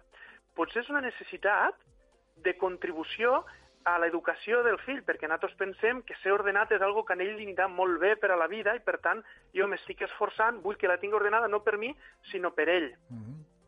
En este punt, quan detectem quines necessitats estem cobrint nosaltres, i abans d'interactuar, el que hem de fer també és pensar quines són les necessitats de l'altra persona, quines necessitats està cobrint tenint la situació que té ara.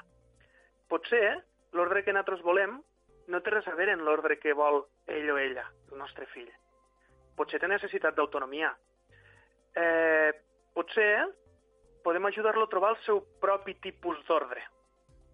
Potser allí el que hi ha és una necessitat de comprensió. No és que sigui brut o desordenat, però segurament en 14, 15 o 16 anys, a la seva vida i al seu cap, eh, el tema d'estar pendents d'ordenar la roba, doncs, diguem-ne que no, que no va massa i no té massa pes. Així que, en tot això, tenint en compte aquestes necessitats nostres, però també les necessitats de l'altra persona, podem parar-nos a parlar i veure com arribem a un acord, a una situació en la que puguem tindre en compte les meves necessitats, però també les de l'altra persona. I encara que no és fàcil, en aquest punt es pot arribar, i el que cal llavors és tindre molta paciència, perquè els acords als que pugues arribar no sempre es complixen.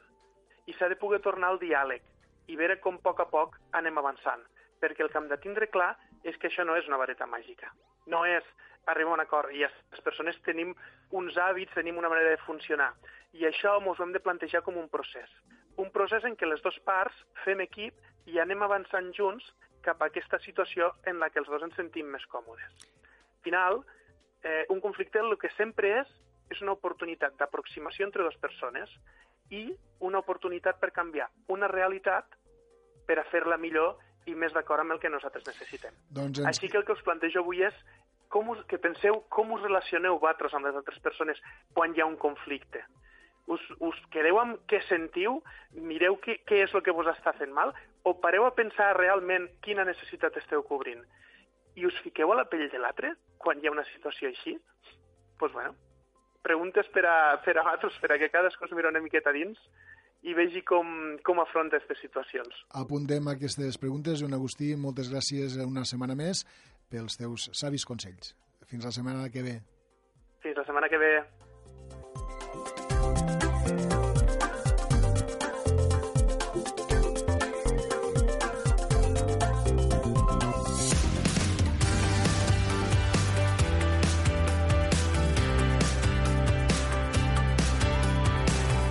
Continuem, continuem el nostre programa. L'Institut per al Desenvolupament de les Comarques de l'Ebre, l'IDC, és un organisme autònom adscrit al Departament de Territori i Sostenibilitat creat l'any 93.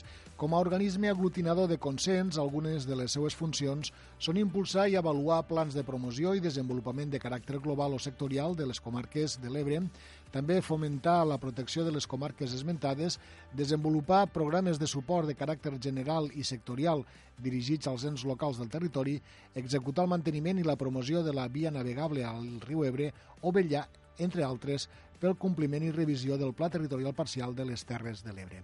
Senyor Albert Salvador, bon dia. Hola, bon dia, Albert. El senyor Albert Salvador és director de l'Institut per al Desenvolupament de les Comarques de l'Ebre. Senyor Salvador, eh, en els propers dies se materialitzaran qüestions importants per a l'organisme que vostè dirigeix i que ens agradaria repassar ara mateix. Per exemple, ens podia parlar de, de la renovació dels membres col·legiats de l'IDC, donat la, la seva voluntat expressada diverses vegades d'encarar de, l'organisme com a una eina de desenvolupament.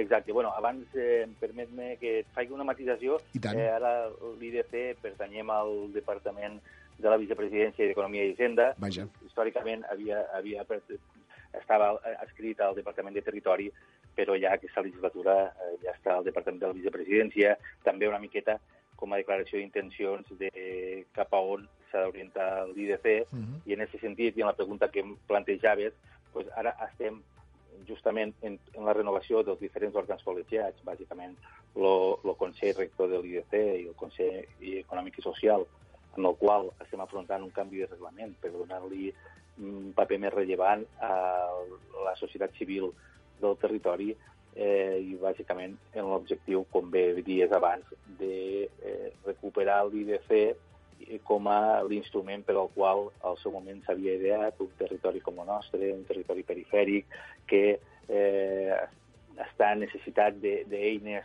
de, de, de desenvolupament i en aquest sentit esperem que en esta etapa pues, l'IDC pogués començar a afrontar este rol, este paper d'eina de desenvolupament territorial perquè bona falta mos fa a les Terres de l'Ebre mm. anar, dotant-nos d'això, no? d'instruments per, per anar avançant en el desenvolupament del territori. Eh, aquesta, aquest canvi de, eh, de, de, dels membres, aquesta renovació de membres, quan s'acabarà materialitzant? Bueno, en principi eh, penso que en, en, en poques setmanes eh, farem una comissió permanent del Consell Econòmic i Social, uh -huh. que tal com marca el reglament, eh, és la comissió que ens permetrà eh, justament eh, fer aquest canvi de, de reglament en, en, en el qual eh, modificarem els membres i intentarem fer més àgil tot el, tot el desenvolupament eh, futur del Consell Econòmic i Social perquè ha de tindre, penso jo, un paper important justament d'engranatge del que seria la tasca de govern de la Generalitat, bàsicament, en eh, el teixit eh, socioeconòmic del, del territori. No? Mm. I, per tant, en, en dies, en, en alguna setmana, espero que ja puguem eh, canviar el reglament del Consell Econòmic Social, canviar els seus membres i, a posteriori, eh, faríem una convocatòria del Consell Assessor que fa més de 20 anys que no, que no es convoca eh, eh, per tal de ja presentar línies d'actuació de cara a este 2020 endavant. Eh, justament eh, un altre tema que li volia plantejar. Demà dimecres se presenta se farà pública la presentació de la taula de consens pel Delta de l'Ebre mm, de la que diversos organismes ja han anunciat que, que entraran a formar-hi part, eh, suposo que l'IDC també estarà allí, no? Sí, i tant, i tant. De fet, amb la taula de consens n'estem treballant. De fet, la taula de consens jo penso que és una iniciativa eh, importantíssima des del territori. Com sabeu, moltes vegades eh, el propi desacord dins del territori ha fet impossible avançar. Eh, en aquest cas, la taula de consens ja supera aquella discussió històrica de solucions per la regressió de la subsidència del Delta, de que hi havia col·lectius que apostaven claríssimament per solucions dures, altres col·lectius científics i més en solucions toves, eh, i al final això no ens permetia avançar en, en el consens de quines han de ser les solucions per evitar la regressió del delta. Eh, la taula de consens eh, en les dues comunitats de regants, de l'esquerra i la dreta, i els set ajuntaments del delta, penso que fan un pas endavant i han sigut capaços, i ja porten dos anys treballant, i han sigut capaços de, de consensuar una bateria de solucions eh, adaptades a, a, a cada zona del delta. Eh, I ara l'emergència del, del Glòria de la setmana passada sí. ho ha posat encara més a, a la a l'agenda, ja, ja no l'agenda territorial, sinó a l'agenda nacional i pensem que la taula de consens és l'eina eh, en la qual hem de seguir avançant i, i és de la gent en la que s'ha d'escoltar per veure quines són les solucions i, i on s'han d'abocar els recursos que necessitem de manera urgentíssima per a salvar el delta. Tornant a l'inici de, de la seva intervenció, senyor Salvador, uh -huh. eh, parlava vostè d'aquesta voluntat d'encarar justament l'organisme que dirigeix de cara a, al desenvolupament. De fet, és Institut per al Desenvolupament, la seva uh -huh. propi nom ho, ho indica, no? Eh, si, si m'hagués de destacar dos, tres projectes dels quals eh, vostès ara mateix estan impulsant aquí al territori, eh, quins me destacaria? Bé, ara estem, mira, i, i lligant també amb, amb la taula de consens, mm. estem eh, treballant d'una manera important tant amb el Departament d'Agricultura com amb les diferents comunitats de regants de, eh, per tal de eh, implementar i, i poder coordinar des de l'IDC una, una ferramenta de gestió, de, de cogestió, si volem dir així, de, de tota l'aigua dolça de, dels dos hemideltes. Mm. Eh, com sabeu, les diferents comunitats de regants són eh, els sobirans en la gestió de l'aigua dolça als dos eh, hemideltes. Eh, pensem que eh, és, cada vegada agafa més transcendència aquesta gestió d'aigua dolça, tenen molts problemes, sobretot la de l'esquerra, perquè està una mica més afonada que la de la dreta, i per tant els costa més evacuar tota l'aigua dolça a les bahies. Eh, incorporar eh, més eh, col·lectius per tal de tindre en compte la gestió d'aquesta aigua eh, en, i fer-la en funció de necessitats dels eh, aquicultors, dels propis caçadors, dels mateixos mariners, eh, i tota aquesta gent poder, poder participar juntament amb les dues comunitats de regants en una taula de cogestió integral de, de l'aigua de, del delta, mm -hmm. pensem que és un pas endavant eh, en la qual ara ja estem de, de, dedicant eh, moltes energies tots plegats perquè pensem que seria eh, revolucionari per a la gestió del delta eh, poder posar-nos tots d'acord per la gestió i sobretot també la construcció de les infraestructures necessàries per poder fer tota aquesta eh, gestió hídrica. Molt bé, mm, és un dels projectes, sens dubte, més engrescadors pel que significarà per al futur de, de les nostres terres. A banda d'això, també recordem ara projectes com el Migrato Ebre, que vostès eh, també estan eh, treballant-hi, no? Eh, i del qual ja se'n va Exacte. fer un, un balanç molt, molt positiu. Exacte, ara vam fer l'estudi d'impacte ambiental, estem en període de, de, esperem de la fase final de la tramitació administrativa de, de la corresponent autorització per poder fer el, el projecte. Eh, dins del projecte Live Migrato Ebre ens queda pues, segurament l'actuació estrella, que és la rampa de peixos a la sud de Xerta, mm. que ens permetrà eh, resoldre la connectivitat biològica en aquest tram de riu eh, i superar aquesta barrera física de la sud per tal de que les diferents eh, espècies que, que, que ja estan al, al riu puguen eh, remuntar-lo riu amunt i que la de Xerta no sigui una barrera. Molt bé. Esperem, esperem poder-lo implementar en els propers mesos durant aquest exercici.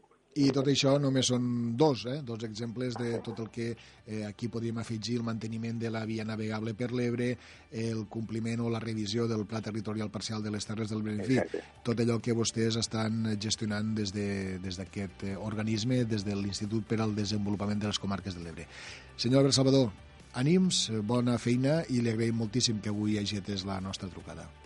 Moltes gràcies a vosaltres, de reveure. Una abraçada. Adéu. I sense pràcticament descans, continuem 14 minuts per al punt de les 3. L'Institut Escola Daniel Mangraner ha estat seleccionat aquest curs per participar en un Erasmus sobre la sostenibilitat. Es tracta d'un programa educatiu en anglès que promou l'itinerari amb altres instituts de secundària dels països de la Unió Europea. Avui en parlem dintre de la secció d'Educació, des de Ràdio Tortosa, amb una de les professores i dos alumnes d'aquest centre, Clàudia Ruiz.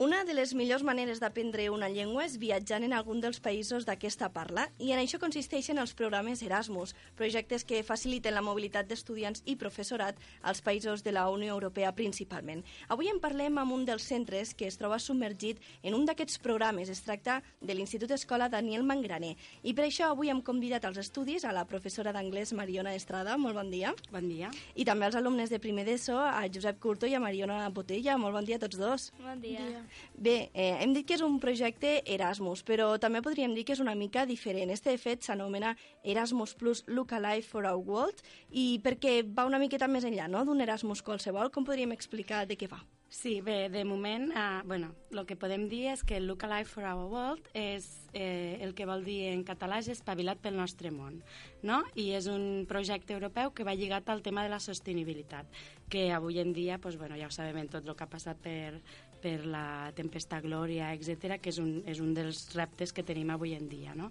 I aleshores, eh, això va lligat tot a que, bueno, l'alumnat que participa és de diferents centres europeus i fan un projecte comú. Uh -huh. Això què vol dir? Que cada centre s'especialitza en algun dels temes que hem acordat el, um, en tots els centres i bé, cadascú pues, fa unes tasques i després les compartim entre tots. I aleshores eh, se basa en que hi haurà uns, uns intercanvis i unes mobilitats als diferents països. Molt bé, quin és el tema que us ha tocat a vosaltres? El tema que ens ha tocat és el, el tema dels oceans. Uh -huh. Eh, I aleshores, doncs, quan vinguen els alumnes aquí, um, tot el que es treballarà és al voltant de com podem ajudar a les nostres platges a que, bé, que estiguem millor, farem neteja de platges, farem diverses accions relacionades, relacionades amb el tema. I també doncs, parlarem dels microplàstics, dels plàstics, com podem ajudar que tot això no, no estigui passant. Per tant, eh, tindreu activitats dintre del centre quan vinguin eh, tots aquests alumnes, però Sí. també fareu sortides i ensenyareu Sí. el territori. Sí, Molt Sí. bé. Eh, aquest mes de gener, de fet, vosaltres ja heu gaudit d'una de les primeres trobades a Polònia. Eh, com ha estat aquesta experiència de fer el viatge i conèixer altra gent? Doncs ha estat una experiència molt positiva perquè ens ha permès conèixer prof el professorat que porta la coordinació de, del projecte de cada país. No?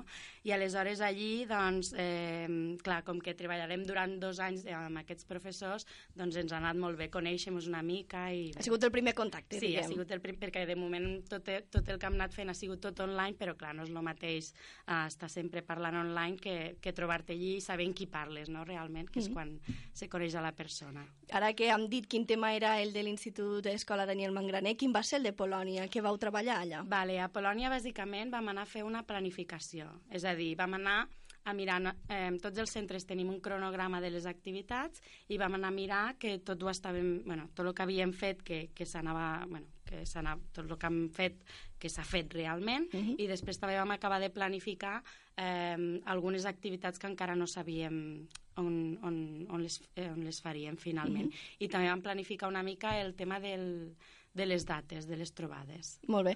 Eh, no sé si us ha sorprès alguna cosa de, de Polònia o recordeu especialment d'aquesta vivència. Ha sigut tota una setmana, no, diguem? Sí, bé, de fet van ser... mm, Són cinc dies, no? Vam anar... Un, i, des, I dos dies compten de viatge. Mhm. Per tant, realment allí vam estar tres dies. I bé, el que ens va sorprendre molt va ser el nivell de vida. A Polònia, per exemple, els alumnes no hi van, és a dir, el nostre alumnat no va a Polònia, i nosaltres realment no en teníem per què, no? Però quan vam arribar allí, doncs, després de passar uns dies allí i parlar amb les professores d'allí, etc., doncs vam descobrir per què. El nivell de vida, eh, tenen un nivell de vida molt baix, és a dir, allí no hi ha agricultura, aquí estem acostumats a que tenim al costat de casa, tenim l'hortet, no? Mm. Veiem que hi ha pagesos per la zona, eh, hi ha indústria, però allí no hi ha res. És a dir, res vol dir res. Eh, el que fan les famílies és que el pare de la família marxa fora, i, i bé, marxa fora a, a treballar o a l'estranger o a la capital i aporta uns diners a casa. Per tant, les famílies estan molt desestructurades i és una zona superpobra i això, clar, ens va impactar perquè, clar, això també és un dels temes que es tracta molt dintre del programa Erasmus+, Plus, no? de veure altres eh, realitats mhm. eh, que no tenen per què ser la nostra i això aporta molt a l'alumnat perquè, clar, obliga a, a veure una mica més enllà de, de lo que estem acostumats. Molt bé, quins són els altres centres participants? Eh, els altres centres participants eh, són Dinamarca, Turquia i bé, Polònia, tal com hem dit, i nosaltres. Mm -hmm. Bé, Josep, eh, explica'm una mica com heu preparat abans de fer el viatge, com es prepara dintre de l'aula, perquè suposo que feu eh, coses no, per conèixer on anireu. Sí, bé, des de, fa, des de fa... Des que vam començar el curs hem anat fent certes activitats per anar aprenent més sobre el tema mm -hmm i llavors també estem usant un, un sistema de punts per a determinar més fàcilment pues, qui anirà a les sortides i qui pues, no podrà anar. I per què? Com s'aconsegueixen aquests punts? Pues, per exemple, a començament de curs va fer un concurs de logos, uh -huh. al qual un alumne del nostre centre va sortir la guanyadora i, i, i doncs per participar donaven uns punts, però per, la, la guanyadora o els finalistes van rebre més punts que els altres. Mm, I vosaltres heu sigut els que heu tingut aquests punts. Com va estar aquest procés de dissenyar i fins i tot a, a després triar i guanyar aquest logo? Vale. Eh, el tema del logo va ser de que cada centre va proposar a l'alumnat de la manera que volia, és a dir, hi ha centres que ho van fer de manera voluntària, hi ha centres que ho van fer de manera obligatòria. Nosaltres, per exemple, vam dir que l'alumnat que estés motivat per anar a les mobilitats doncs que participés de manera voluntària. No? Aleshores, eh, se va crear una comissió que es diu la Comissió Mangart, Eh, I en aquesta comissió doncs, es va, bé, eh, les persones i, o els alumnes que voli, i alumnes que volien participar eh, es van presentar i la comissió aquesta, que està formada per professors del centre i experts en, en art, doncs eh, es van, van, van decidir eh, quins eren els cinc millors. Aquests cinc millors es van penjar una web que tenim comuna que es diu eh, eTwinning, el Twin Space, i aleshores entre tots els països, dels cinc que havien decidit a cada país que eren els millors, van fer unes votacions. Nosaltres ho vam fer a cada tutoria, els mm -hmm. alumnes eh, votaven tres, tres logos i aleshores després es feia un recompte de tots els logos que, que havien resultat guanyadors i la nostra sorpresa va ser quan vam veure que va guanyar un alumne del centre, la Alba Fumador, que està segon d'ESO. Mm -hmm. Perquè quants alumnes del vostre centre hi participen en aquest projecte?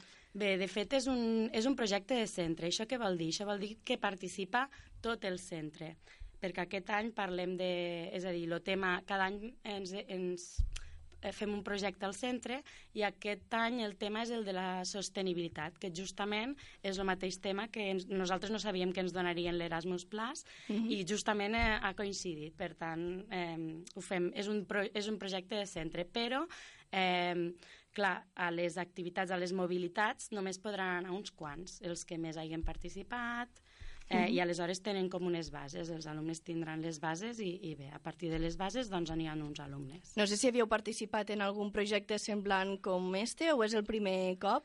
No, és el primer cop que participem, o sigui que la il·lusió és màxima i el treball mm -hmm. també, això també s'ha de dir. I a més, eh, compteu no, en un ajut econòmic del fons europeu, que us cobreix eh, aquest ajut? Sí, doncs eh, l'ajut ens ho cobreix tot, i tot què vol dir? Tot. És a dir, ens cobreix el, el viatge, eh, ens cobreix eh, totes les activitats que farem allà, eh, tot. Aleshores, també eh, els alumnes estaran en famílies, això vol dir que s'empaparan molt de la, de la cultura d'allà, veuran altres realitats i bé, mm, tot, vull dir, ens ho cobreix tot. Eh, de fet, el, el que demanen és que l'alumnat no pagui res. Uh -huh. És a dir, que ha de ser una cosa totalment eh, gratuïta. Per a què? Per a que aquell alumnat que no pugui viatjar o que no hagués pogut viatjar mai d'aquesta manera, doncs tingui l'oportunitat de, de poder-ho fer. Molt bé, i igualar-los a tots també. Clar. Eh, Mariona, explica'm quins són les, prim, les properes trobades que, que fareu? Pues nosaltres, al finals de juny, anirem a Turquia i llavors els alumnes de Dinamarca, Turquia i Polònia vindran al nostre centre al novembre. Molt bé. Eh, Josep, de fet, des del centre treballeu, com ha comentat la, la profe, la sostenibilitat, no?, amb el programa Sostenibilitat i EDM. Quines activitats s'han dut a terme dins d'aquest projecte? Explica-mos. Per exemple, també el començament de curs, més relacionat amb el programa del col·le, no? Eh, va, va, fem un, cadascú fa com un eslògan, no? I llavors se voten los eslògans i l'eslògan guanyador queda com un eslògan de centre mm -hmm. i llavors lo, lo que hagi guanyat de cada classe es queda com lo de la, cada classe i a part d'això també pues, ja lo, dins de lo d'Erasmus hem fet diversos vídeos i tenim alguna presentació també feta i això sobre el tema per a seguir també guanyant punts i tot això. Molt bé. Eh, a l'Institut Escola Daniel Mangraner heu prioritzat, de fet, l'aprenentatge de l'anglès. Quines altres propostes, a més de l'Erasmus, podem destacar en aquest sentit? Vale, en aquest sentit, eh, fem, fem diversos e-twinings a, a diversos cursos, vale? que l'e-twinning és una plataforma europea on l'alumnat eh, treballa en un projecte comú eh, de manera virtual. Eh, aleshores, també eh, fem ciències en anglès, i aleshores moltes activitats del projecte van, clar, com que està lligat a les ciències, doncs mm -hmm. va perfecte perquè, perquè es treballen des d'aquí, no? És a dir, se donen les ciències però en anglès. Uh, després hi ha un grup de professors i d'alumnes que fa anglès extraescolar, és a dir, els professors també ho fan com una formació de centre, per a motivar-los a, a, això, a fer altres assignatures en anglès. Uh, als alumnes també se'ls ofereix l'oportunitat de fer eh, classes del Cambridge gratuïtes com a, com a extraescolar, cosa que és molt, bé, és molt avantatjosa per a ells. Uh, després també fem moltes activitats orals. Aquest any ens han donat un projecte que es diu POEFA, en la qual tenim un auxiliar de conversa uh -huh. eh, i ens ajuda a, a treballar l'oralitat a l'aula. I bé, i després també al mes de març fem eh, l'English Day, que durant tot un dia fem tot d'activitats en anglès per a fomentar-ne el seu ús. Mm, perquè, Mariona, com a alumne, eh, com creieu que és d'important conèixer i dominar aquesta llengua, sobretot l'anglès? Pues perquè si tu vols anar a un altre lloc a un altre lloc a viatjar, pues, hi ha moltes possibilitats de que la majoria parlen anglès, perquè és com l'idioma mundial. Uh -huh. I així ens entendrem una miqueta més entre tots, no?, si l'aprenem. Sí. Molt bé. I Mariona, professora, eh, quins beneficis també els aporta a ells conèixer una altra llengua que no sigui, en aquest cas, el català o el castellà? Clar, aprendre una llengua no és només aprendre la llengua, no? És aprendre tot el que hi ha darrere de la llengua. En aquest cas, no anem a aprendre coses sobre la mateixa llengua, és a dir, eh, la cultura anglesa, etc, sinó que anem a veure altres realitats. I això fa que, que aprenguem sobre altres cultures en la, en la llengua però tot això ens ajuda la, la llengua anglesa. I a obrir mires, no?, en esta realitat. Clar, i aleshores eh, això creiem que és super, super bo per, als, per a l'alumnat perquè, clar, veurà altres maneres de fer, altres maneres de pensar, i això els obri tot un món. I veuen que no s'acaba tot allí on, on són mm -hmm. ells, no? Doncs moltes gràcies per explicar-nos tota aquesta experiència a la professora Mariona Estrada, però també als alumnes que ens ho han vingut a explicar. Ells són el Josep Curto i la Mariona Botella. Moltes gràcies a tots tres i fins la propera. Gràcies, Clàudia. Nosaltres, dintre de 5 minuts, després del butlletí de la xarxa, tornarem a estar en Manel Ramon per a posar el cafè de la tarda, la tertúlia del Dia Terres de l'Ebre. Fins ara.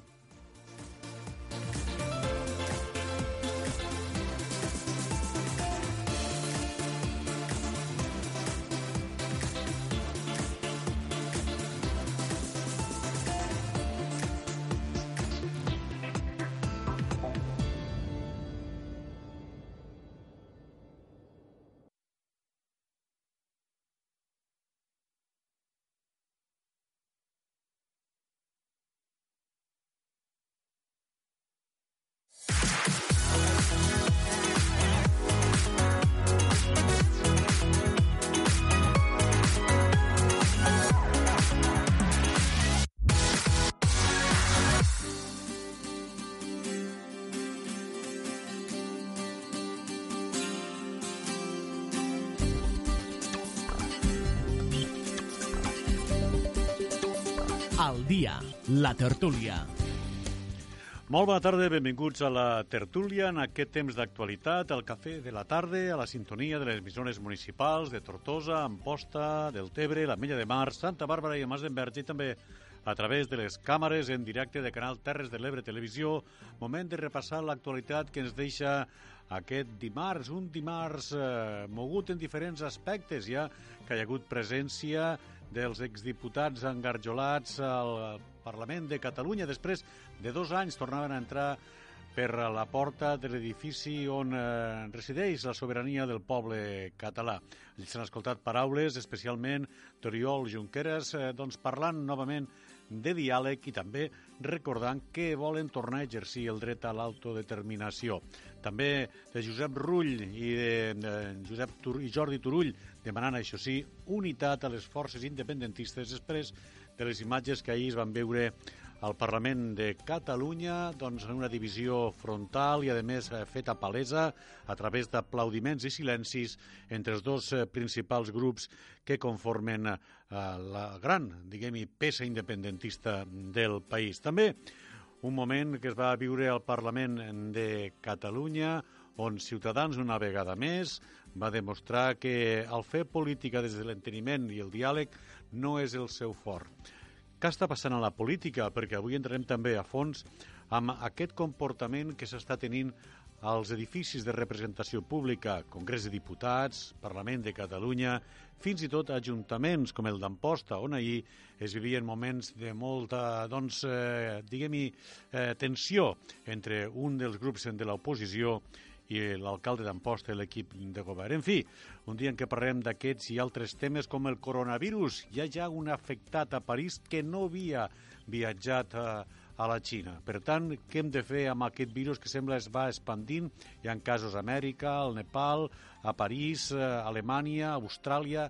A poc a poc eh, doncs, es va repartint pel globus, tot i que de moment a l'estat espanyol i a Catalunya no n'hi ha cap re, cas registrat, sí, investigats, però que han donat doncs, negatiu. En parlarem d'aquests temes amb els nostres convidats d'avui. Ens acompanyen Josep Maria Simó. Bona tarda, Josep Maria. Hola, bona tarda a tots. Ens acompanya també Tere Castellà. Tere, què tal? Benvinguda, gràcies per acompanyar-nos. Bona tarda. I ens acompanya també Manel Macià. Bona tarda, Manel. Hola, bona tarda. Bé, escolteu, la primera pregunta. Després ja entrarem directament al que ha passat avui al Parlament de Catalunya. Però què està passant en la política? Per què hem d'assistir en aquests espectacles al Congrés de Diputats, al que vam assistir ahir al Parlament de Catalunya, on vam veure diputats de ciutadans en peus i aplaudint doncs, delinqüent, delinqüent, una cosa que no s'entén, i el que veiem ahir a l'Ajuntament d'Amposta, on hi ha un enfrontament, l'alcalde decideix parar el ple i després fora del ple doncs hi ha algunes empentes i una mica d'enrenou. Què està passant a la política? Perquè s'entén que aquests edificis institucionals ha de ser el lloc de la sobirania popular on se discutixen doncs, des del respecte i des del debat de les idees tot allò que ha de beneficiar els ciutadans i ciutadanes de l'Estat, de Catalunya i de la ciutat, clar, qui pertoque. Què està passant, Josep Maria, tu que ets un polític doncs eh, ja en pedigrí, eh, que has estat alcalde, que has estat diputat. Què està passant? Home, els enfrontaments en política han sigut sempre. Han sigut sempre.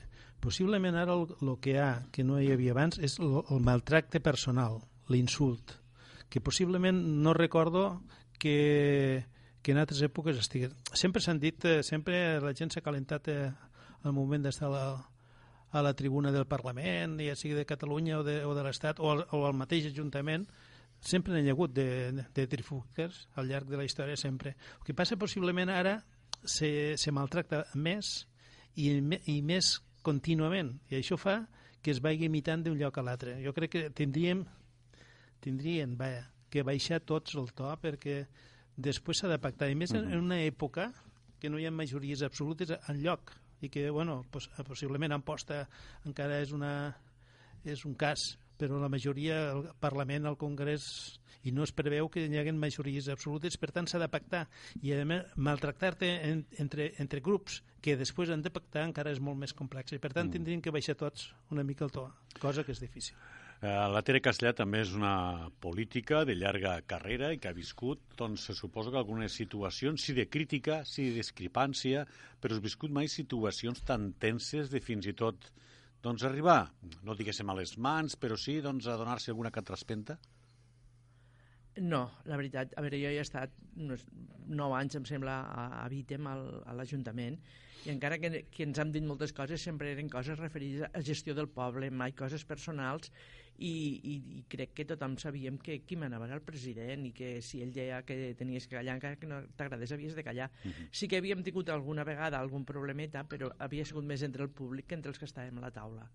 De totes maneres, jo ara crec que, que és que hi ha gent que viu de crear tensió eh, això les xarxes ho multipliquen i també suposo que influeixen i a lo millor hi ha molta gent que li agrada llegir coses d'estes i que per això ho fan. Rentabilitat no crec que... Jo espero que no els hi doni. Hi ha Ciudadanos és un cas que s'ha vist que han anat a la baixa de cop i jo no havia no, però, vist mai... Però, però no es carmenten, eh? Però no, no. No, no, però a veure, vosaltres coneixeu d'algú que hagi guanyat unes eleccions com era la senyora Montapollos, que no hagués fet res per intentar governar i que després vagi i se'n vagi?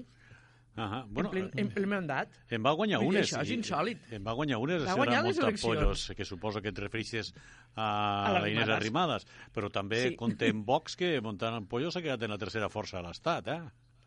Bueno, però perquè ha entrat ara. Uh -huh. Jo no sé si això al final ven. Jo penso que la gent eh, també vol gestió i, i no es pot viure només de, de Home, de suposo la que la gent, especialment el que volem és gestió, especialment perquè ens fa falta i sí. molta. Manel, tu Exacte. que vas viure en directe aquest uh, enrenou, que, bueno, la teua cara de sorprès era el reflex de la resta de cares de sorpresos sí, sí, sí que, que teníem de sorprès. tots els que estàvem a, en aquell saló de plens, els que vam poder veure... I els que vam veure per televisió també vam veure sí. una cara de sorprès. aquest, sí, fet, aquest fet en directe. Passa que vosaltres no vau veure el que va passar fora del ple, els que ho miràveu per la tele. No, això és veritat. No, això és veritat. Manel, eh, què, què és el que passa? Bueno, veritat... I t'ho dic a tu, que ets un polític de nova fornada. Tant la Tere sí. com eh, el Josep Maria són polítics ja veterans, tu ets de nova fornada, però clar, jo no puc eh, deixar de preguntar-te quin és el nivell polític que tenim ara? A veure, jo eh, sobre el debat de les idees, eh, que, que és bo, el que passa és que les formes, no? la, la, form, eh, la, la forma eh, és dolenta. Eh, jo avui hem, hem fet una roda de premsa conjunta o un manifest conjunt o com ho vulguem dir amb la Sí, sí. i amb el- i amb l'Anna Tomàs eh, i primer de tot, abans de tot volia expressar el meu suport a, a l'alcalde i al regidor Pausit que van ser els que van rebre l'agressió per part d'un dels regidors eh, i condemnar aquesta violència i, i en, aquesta, en aquest manifest he posat tres estaments que crec que són bàsics. Eh, vaig entrar en política municipal perquè volia ajudar la meva ciutat i el meu entorn i no entrar en batalles de baixa volada. Vaig entrar en política municipal per de- debatre idees uh -huh. i no per escoltar atacs personals, que uh -huh. ahir em van ja bé, i vaig entrar en política municipal pel frenar el populisme, que jo crec que impera a l'Ajuntament d'Amposta. I per tant, eh, no sé si això és vella o nova política. Jo ho intento fer de, de, en rigor, en, en, ho intento fer en exigència. Sí, però no t'estem analitzant I- tu com a polític, sinó No, no, no, la jo- jo política dic en general, jo perquè això política. passa al, al No. Parlament de Catalunya, que com te deia, passa al Congrés de Diputats i ara passa també Sí, sí, sí. a, als ajuntaments. És a dir, clar, llavors és que, eh, com dèiem, els mitjans, les xarxes, eh, cadascú que pren exemple de l'altre a veure qui la fa més grossa, la rentabilitat del titular, no sé què és el que està passant, però jo porto molts anys al periodisme, Josep Maria porta molts anys a la política, la Teresa també, i jo no ho havia vist en cap ocasió, això. Eh? Sí que havies, evidentment, rifirrafes, i sempre dintre, jo, jo m'arribaria a dir, d'una correcció semàntica... Eh? Física, a menys física. Eh? No física i semàntica, perquè es, eh, se diuen coses fortes, però, diguem-ne, a l'estil tardà, eh? que la diuen grossa, però no fa mal, no fa tant de mal, eh? Sí, sí, no, el que, lo que te volia dir és que hi ha gent que viu d'això. Eh, ho veiem al Congrés, ho veiem al Parlament, eh, hi ha gent que ha crescut gràcies a això. Eh, ha crescut Vox al Congrés dels Diputats mm, gràcies a això i, i moltes més que en veurem. Ha crescut Ciutadans, eh, jo, jo entenc que ara eh, baixarà perquè els suflers, eh, els suflers normalment baixen i, i, bueno, i aquí Som Amposta va doblar en boig Uh, per tant també eh, va créixer gràcies a aquests enfrontaments que va tindre en Adam entenc en l'anterior mandat mm. És una manera de fer? Mm, sí, jo no la comparteixo per a res eh, crec que crec que no s'ha d'entrar mai en un atac personal sempre debatre idees mm -hmm. Alguna paraula més? Jo, o... crec que, sí, sí. jo, jo crec que l'hem de combatre tots. Este no és, eh, I la millor manera de combatre també és que la gent les castigui electoralment a aquests comportaments. Jo, per exemple, em vaig alegrar molt eh, de, de, la, de la baixada de Ciutadans a, a Espanya, perquè és una manera d'actuar que és, vaja, en política eh, tindríem que intentar fent parèntesis i aparcar-los, igual, igual com el comportament de Ciutadans al Parlament de Catalunya. És absolutament, un pot defensar una alternativa en respecte, en tota la duresa que es vulgui, però no en maltractant. Això s'ha d'evitar. De, i quan a l'incident d'Amposta jo vull, vull creure que sigui un, un, accident, un accident, que hagi sigut puntual i que no es torni a repetir no, obstant, bueno, no és la primera vegada que passa amb el mateix sí. regidor, eh? No és la primera vegada que passa, eh? Passa que els caràcters són, els caràcters uh -huh. són, els, que, són, els que, són els que són. Bueno, però I això és complicat. Jo, jo puc tindre un caràcter més eh, normal i una persona no, no, que és més, que se sulfura, no? però, però al final estem dins d'un ple, és, és, sí, sí. és l'òrgan que mana la, la ciutat, és l'òrgan que, que dirigeix la ciutat i hem d'ensenyar de, no, ha, valors. Hem d'ensenyar valors. Ha, que hi respecte, si no malament anem. Sí, clar, és que de fet se li ha demanat la, la dimissió. És a dir, avui en aquesta roda de premsa de la que feia referència Manel Macià, l'alcalde d'Amposta, d'Am Tomàs, eh, li ha demanat al president del partit Som Amposta de que doncs, pro provoque o demani la dimissió d'aquest regidor portaveu, perquè en cas contrari, segons han dit des de l'equip de govern, faran un cordó sanitari, no aprovaran absolutament cap de les mocions que presenten i se'ls contestarà, com diu també el ROM, a través d'escrit prèvia, prèvia pregunta escrita. No? És a dir, clar, aquí s'està posant ja damunt la taula un, com diríem, eh, un, un cordó sanitari, sinó un, un, un stop, eh? un stop a certs comportaments que es poden portar no en aquest ple, sinó a altres eh, llocs, sinó com a, com a exemple. Com a exemple. Teresa, eh, alguna cosa que afegir sobre aquest tema? A veure, jo només dic que si, mm. per lo que vaig entenc, jo no sé què va passar al, post, al postple, però si sí. es va arribar a les, a les mans, eh, aquest senyor se n'ha d'anar. -hmm. Està claríssim. Per sí, tant, van, van ser una els dono suport als que demanen que se'n vagin. Mm -hmm. Per tant, dona suport, al igual que ho ha donat també al partit dels socialistes eh, avui a través de la I la veritat és que, que no ho sabia, però per, per, per lo que ha explicat, eh, penso que sí. Doncs això és el que va passar i això és el que està passant. I clar, eh, una cosa és el que, que parlàvem fa una estoneta, la búsqueda del titular la búsqueda de la imatge. Avui en dia els mitjans de comunicació, malauradament, eh, donen, donem molta importància en aquests eh, fets i, per tant, quan un vol sortir de l'anonimat, la millor manera és fer algun exabrupte perquè automàticament té quota, eh, té quota mm. de pantalla. Això possiblement és el que ha conduït en aquesta situació, buscar el titular fàcil en lloc de buscar el titular per un fet destacat de la seva tasca política. Ho parlàvem fa uns dies eh, el senyor Rufián, en un canal de televisió YouTube que té, es diu La Fàbrica, el programa, fa entrevistes i feia entrevistes a, al Viol, el responsable del Partit sí. Popular, exalcalde, crec que de Badalona, no? Sí, Bé, allí, sí. allí hi havia tot un respecte, un savoir-faire, i dient, no, és que nosaltres ens barallem allí, però després tots som amics. I aquesta ho hem dit moltes vegades aquí, possiblement és la imatge que es dona a la ciutadania i que la ciutadania emprèn com a normal, no? Haurien de fer-ho al revés, tractar-se com a persones al Parlament i després, si volen trasbarallar-se, que es barallen, possiblement. És que jo no entenc tampoc això de que siguen amics quan hi ha tantes diferències. Bueno, no. Jo crec que hi ha ben, Algú, llavors, pots tindre diferències de... ideològiques. No tens cap amic, bona relació. no tens cap no, amic que no pense però... com tu? Sí, ah, per però, no, però no molt exagerat perquè si no en algun moment topem. Jo vull viure tranquil·la, què vols que et digui? Vaig seleccionant, que ja tinc una edat. Vull dir, jo no em veig a Rufián i al Viol d'amics. Bueno, amics. Que tinguin bona relació és una altra cosa. Quan, quan dic amics vol dir que hi ha relació. No, ja, ja. Eh? Ja m'heu entès. Ja, ja. Tampoc no crec que vagin sí. a sopar junts cada dia. No, no. Evidentment no... Eh, que no. Bueno, no sé si Rufián no és també de Badalona. Pues no sé, la veritat. O almenys No, els de seus Santa pares. Coloma, Santa Coloma. Ah, sí, és veritat. Pues De l'altra banda, l'altra banda de la- de l'autopista. De- No banda de, de l'autopista, sí. Respecte a aquests temes, la la aquest tema que parlàvem, Josep Maria, Manel. No, home, la diferència política no tindria per què no tindre una, una amistat, a pesar que és complicat perquè s'han de fer molts de parèntesis i moltes vegades no es coincideix, però no, no té per què si, si saps controlar-ho. Jo la controvèrsia que hi ha hagut en, en la entrevista esta que ha fet Rufián al Viol, jo crec que també s'ha exagerat una mica. Ja està bé que hi haguen entrevistes a la ràdio, encara que sigui de, de la ràdio d'un color polític a, a altres d'altres colors, perquè també va bé contrastar, va bé contrastar per als mateixos d'un partit perquè es vegi les diferències. Jo Mhm. crec que estem fent un gramassa de, del d'estar de, una part i l'altra, hem d'intentar fer, fer ponts i diàleg des de la diferència política entre uns i els altres, però parlar a tothom, perquè ens necessitem tots. Eh? Fantàstic, Manel, per acabar el tema. Sí, bueno, eh, jo crec que també la polèmica en Rufián ve perquè l'altre dia va entrevistar, ja no recordo el nom. El dient el Viol. No, no, no, no, tant, no tant veure si el va Viol o ser- un altre. Va ser el, un dels fundadors de Ciudadanos uh, i aquí sí que, sí que la gent li, li va saltar a la jugular en plan estàs blanquejant aquesta gent que, que va contra Catalunya i, mm, bueno, i va contra el català i tot això.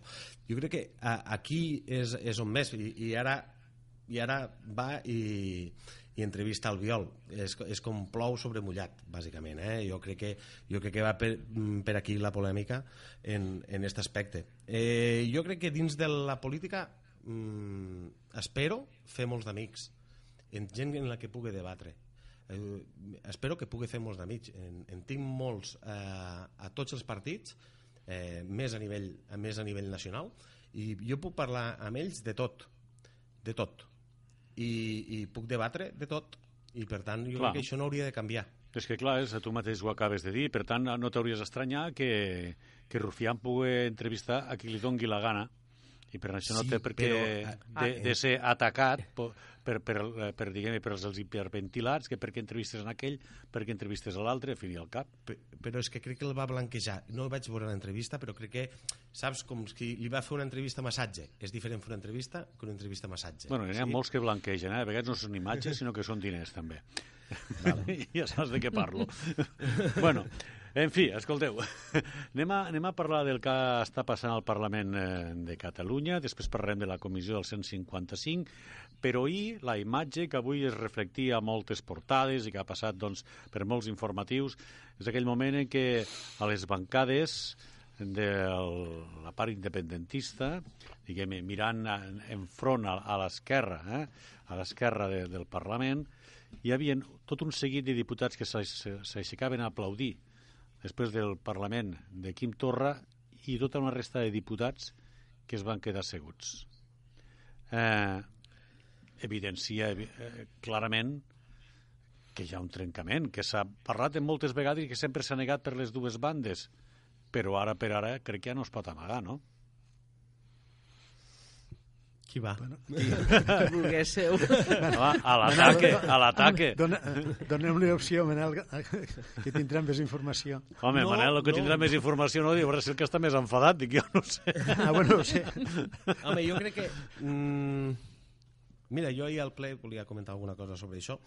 Eh, ahir, ahir un òrgan administratiu com és la GEC, a través del secretari general de la mesa, eh, que en teoria eh, també el, el nomena Esquerra, eh, se li havia tret l'acte diputat al president eh, Torra.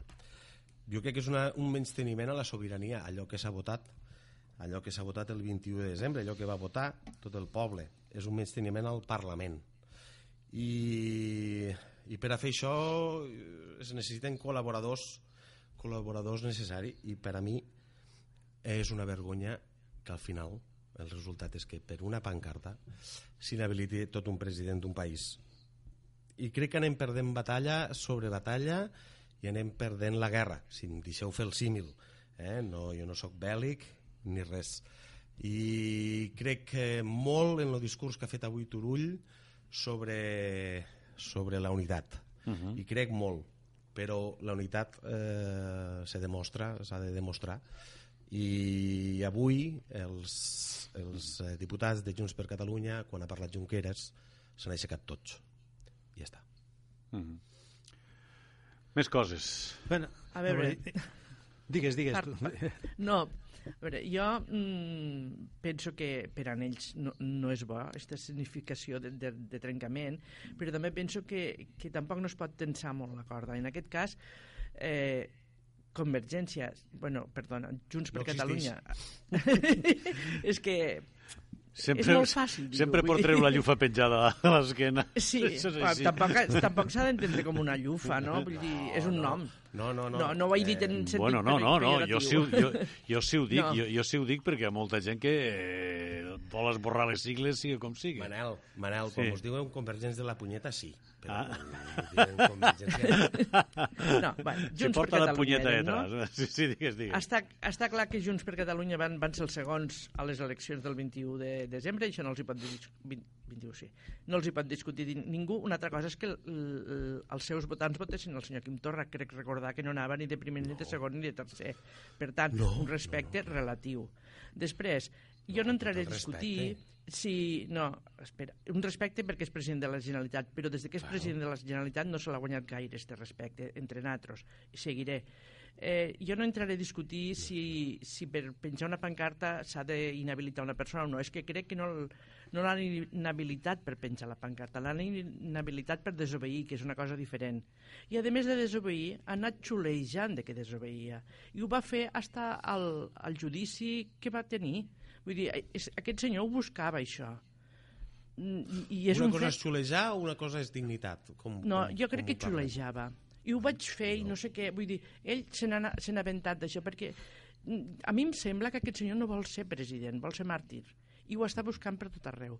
Perquè si volgués ser president de la Generalitat, a lo millor li convenia ara acceptar que està mm, inhabilitat com a diputat, però no com a president, pot seguir sent president i no hi haurien, no hi haurien tants problemes i a lo millor no haurien arribat a aquest trencament aparent que han arribat en, en Esquerra Republicana. Molt bé, ho deixem aquí, de Teresa. fora Ho deixem aquí, fem ja la està. pausa i després continuem parlant d'aquest tema. I donem la Perfecte. paraula a Josep Maria Semó, que segurament parlarà de diàleg. Ara vinem.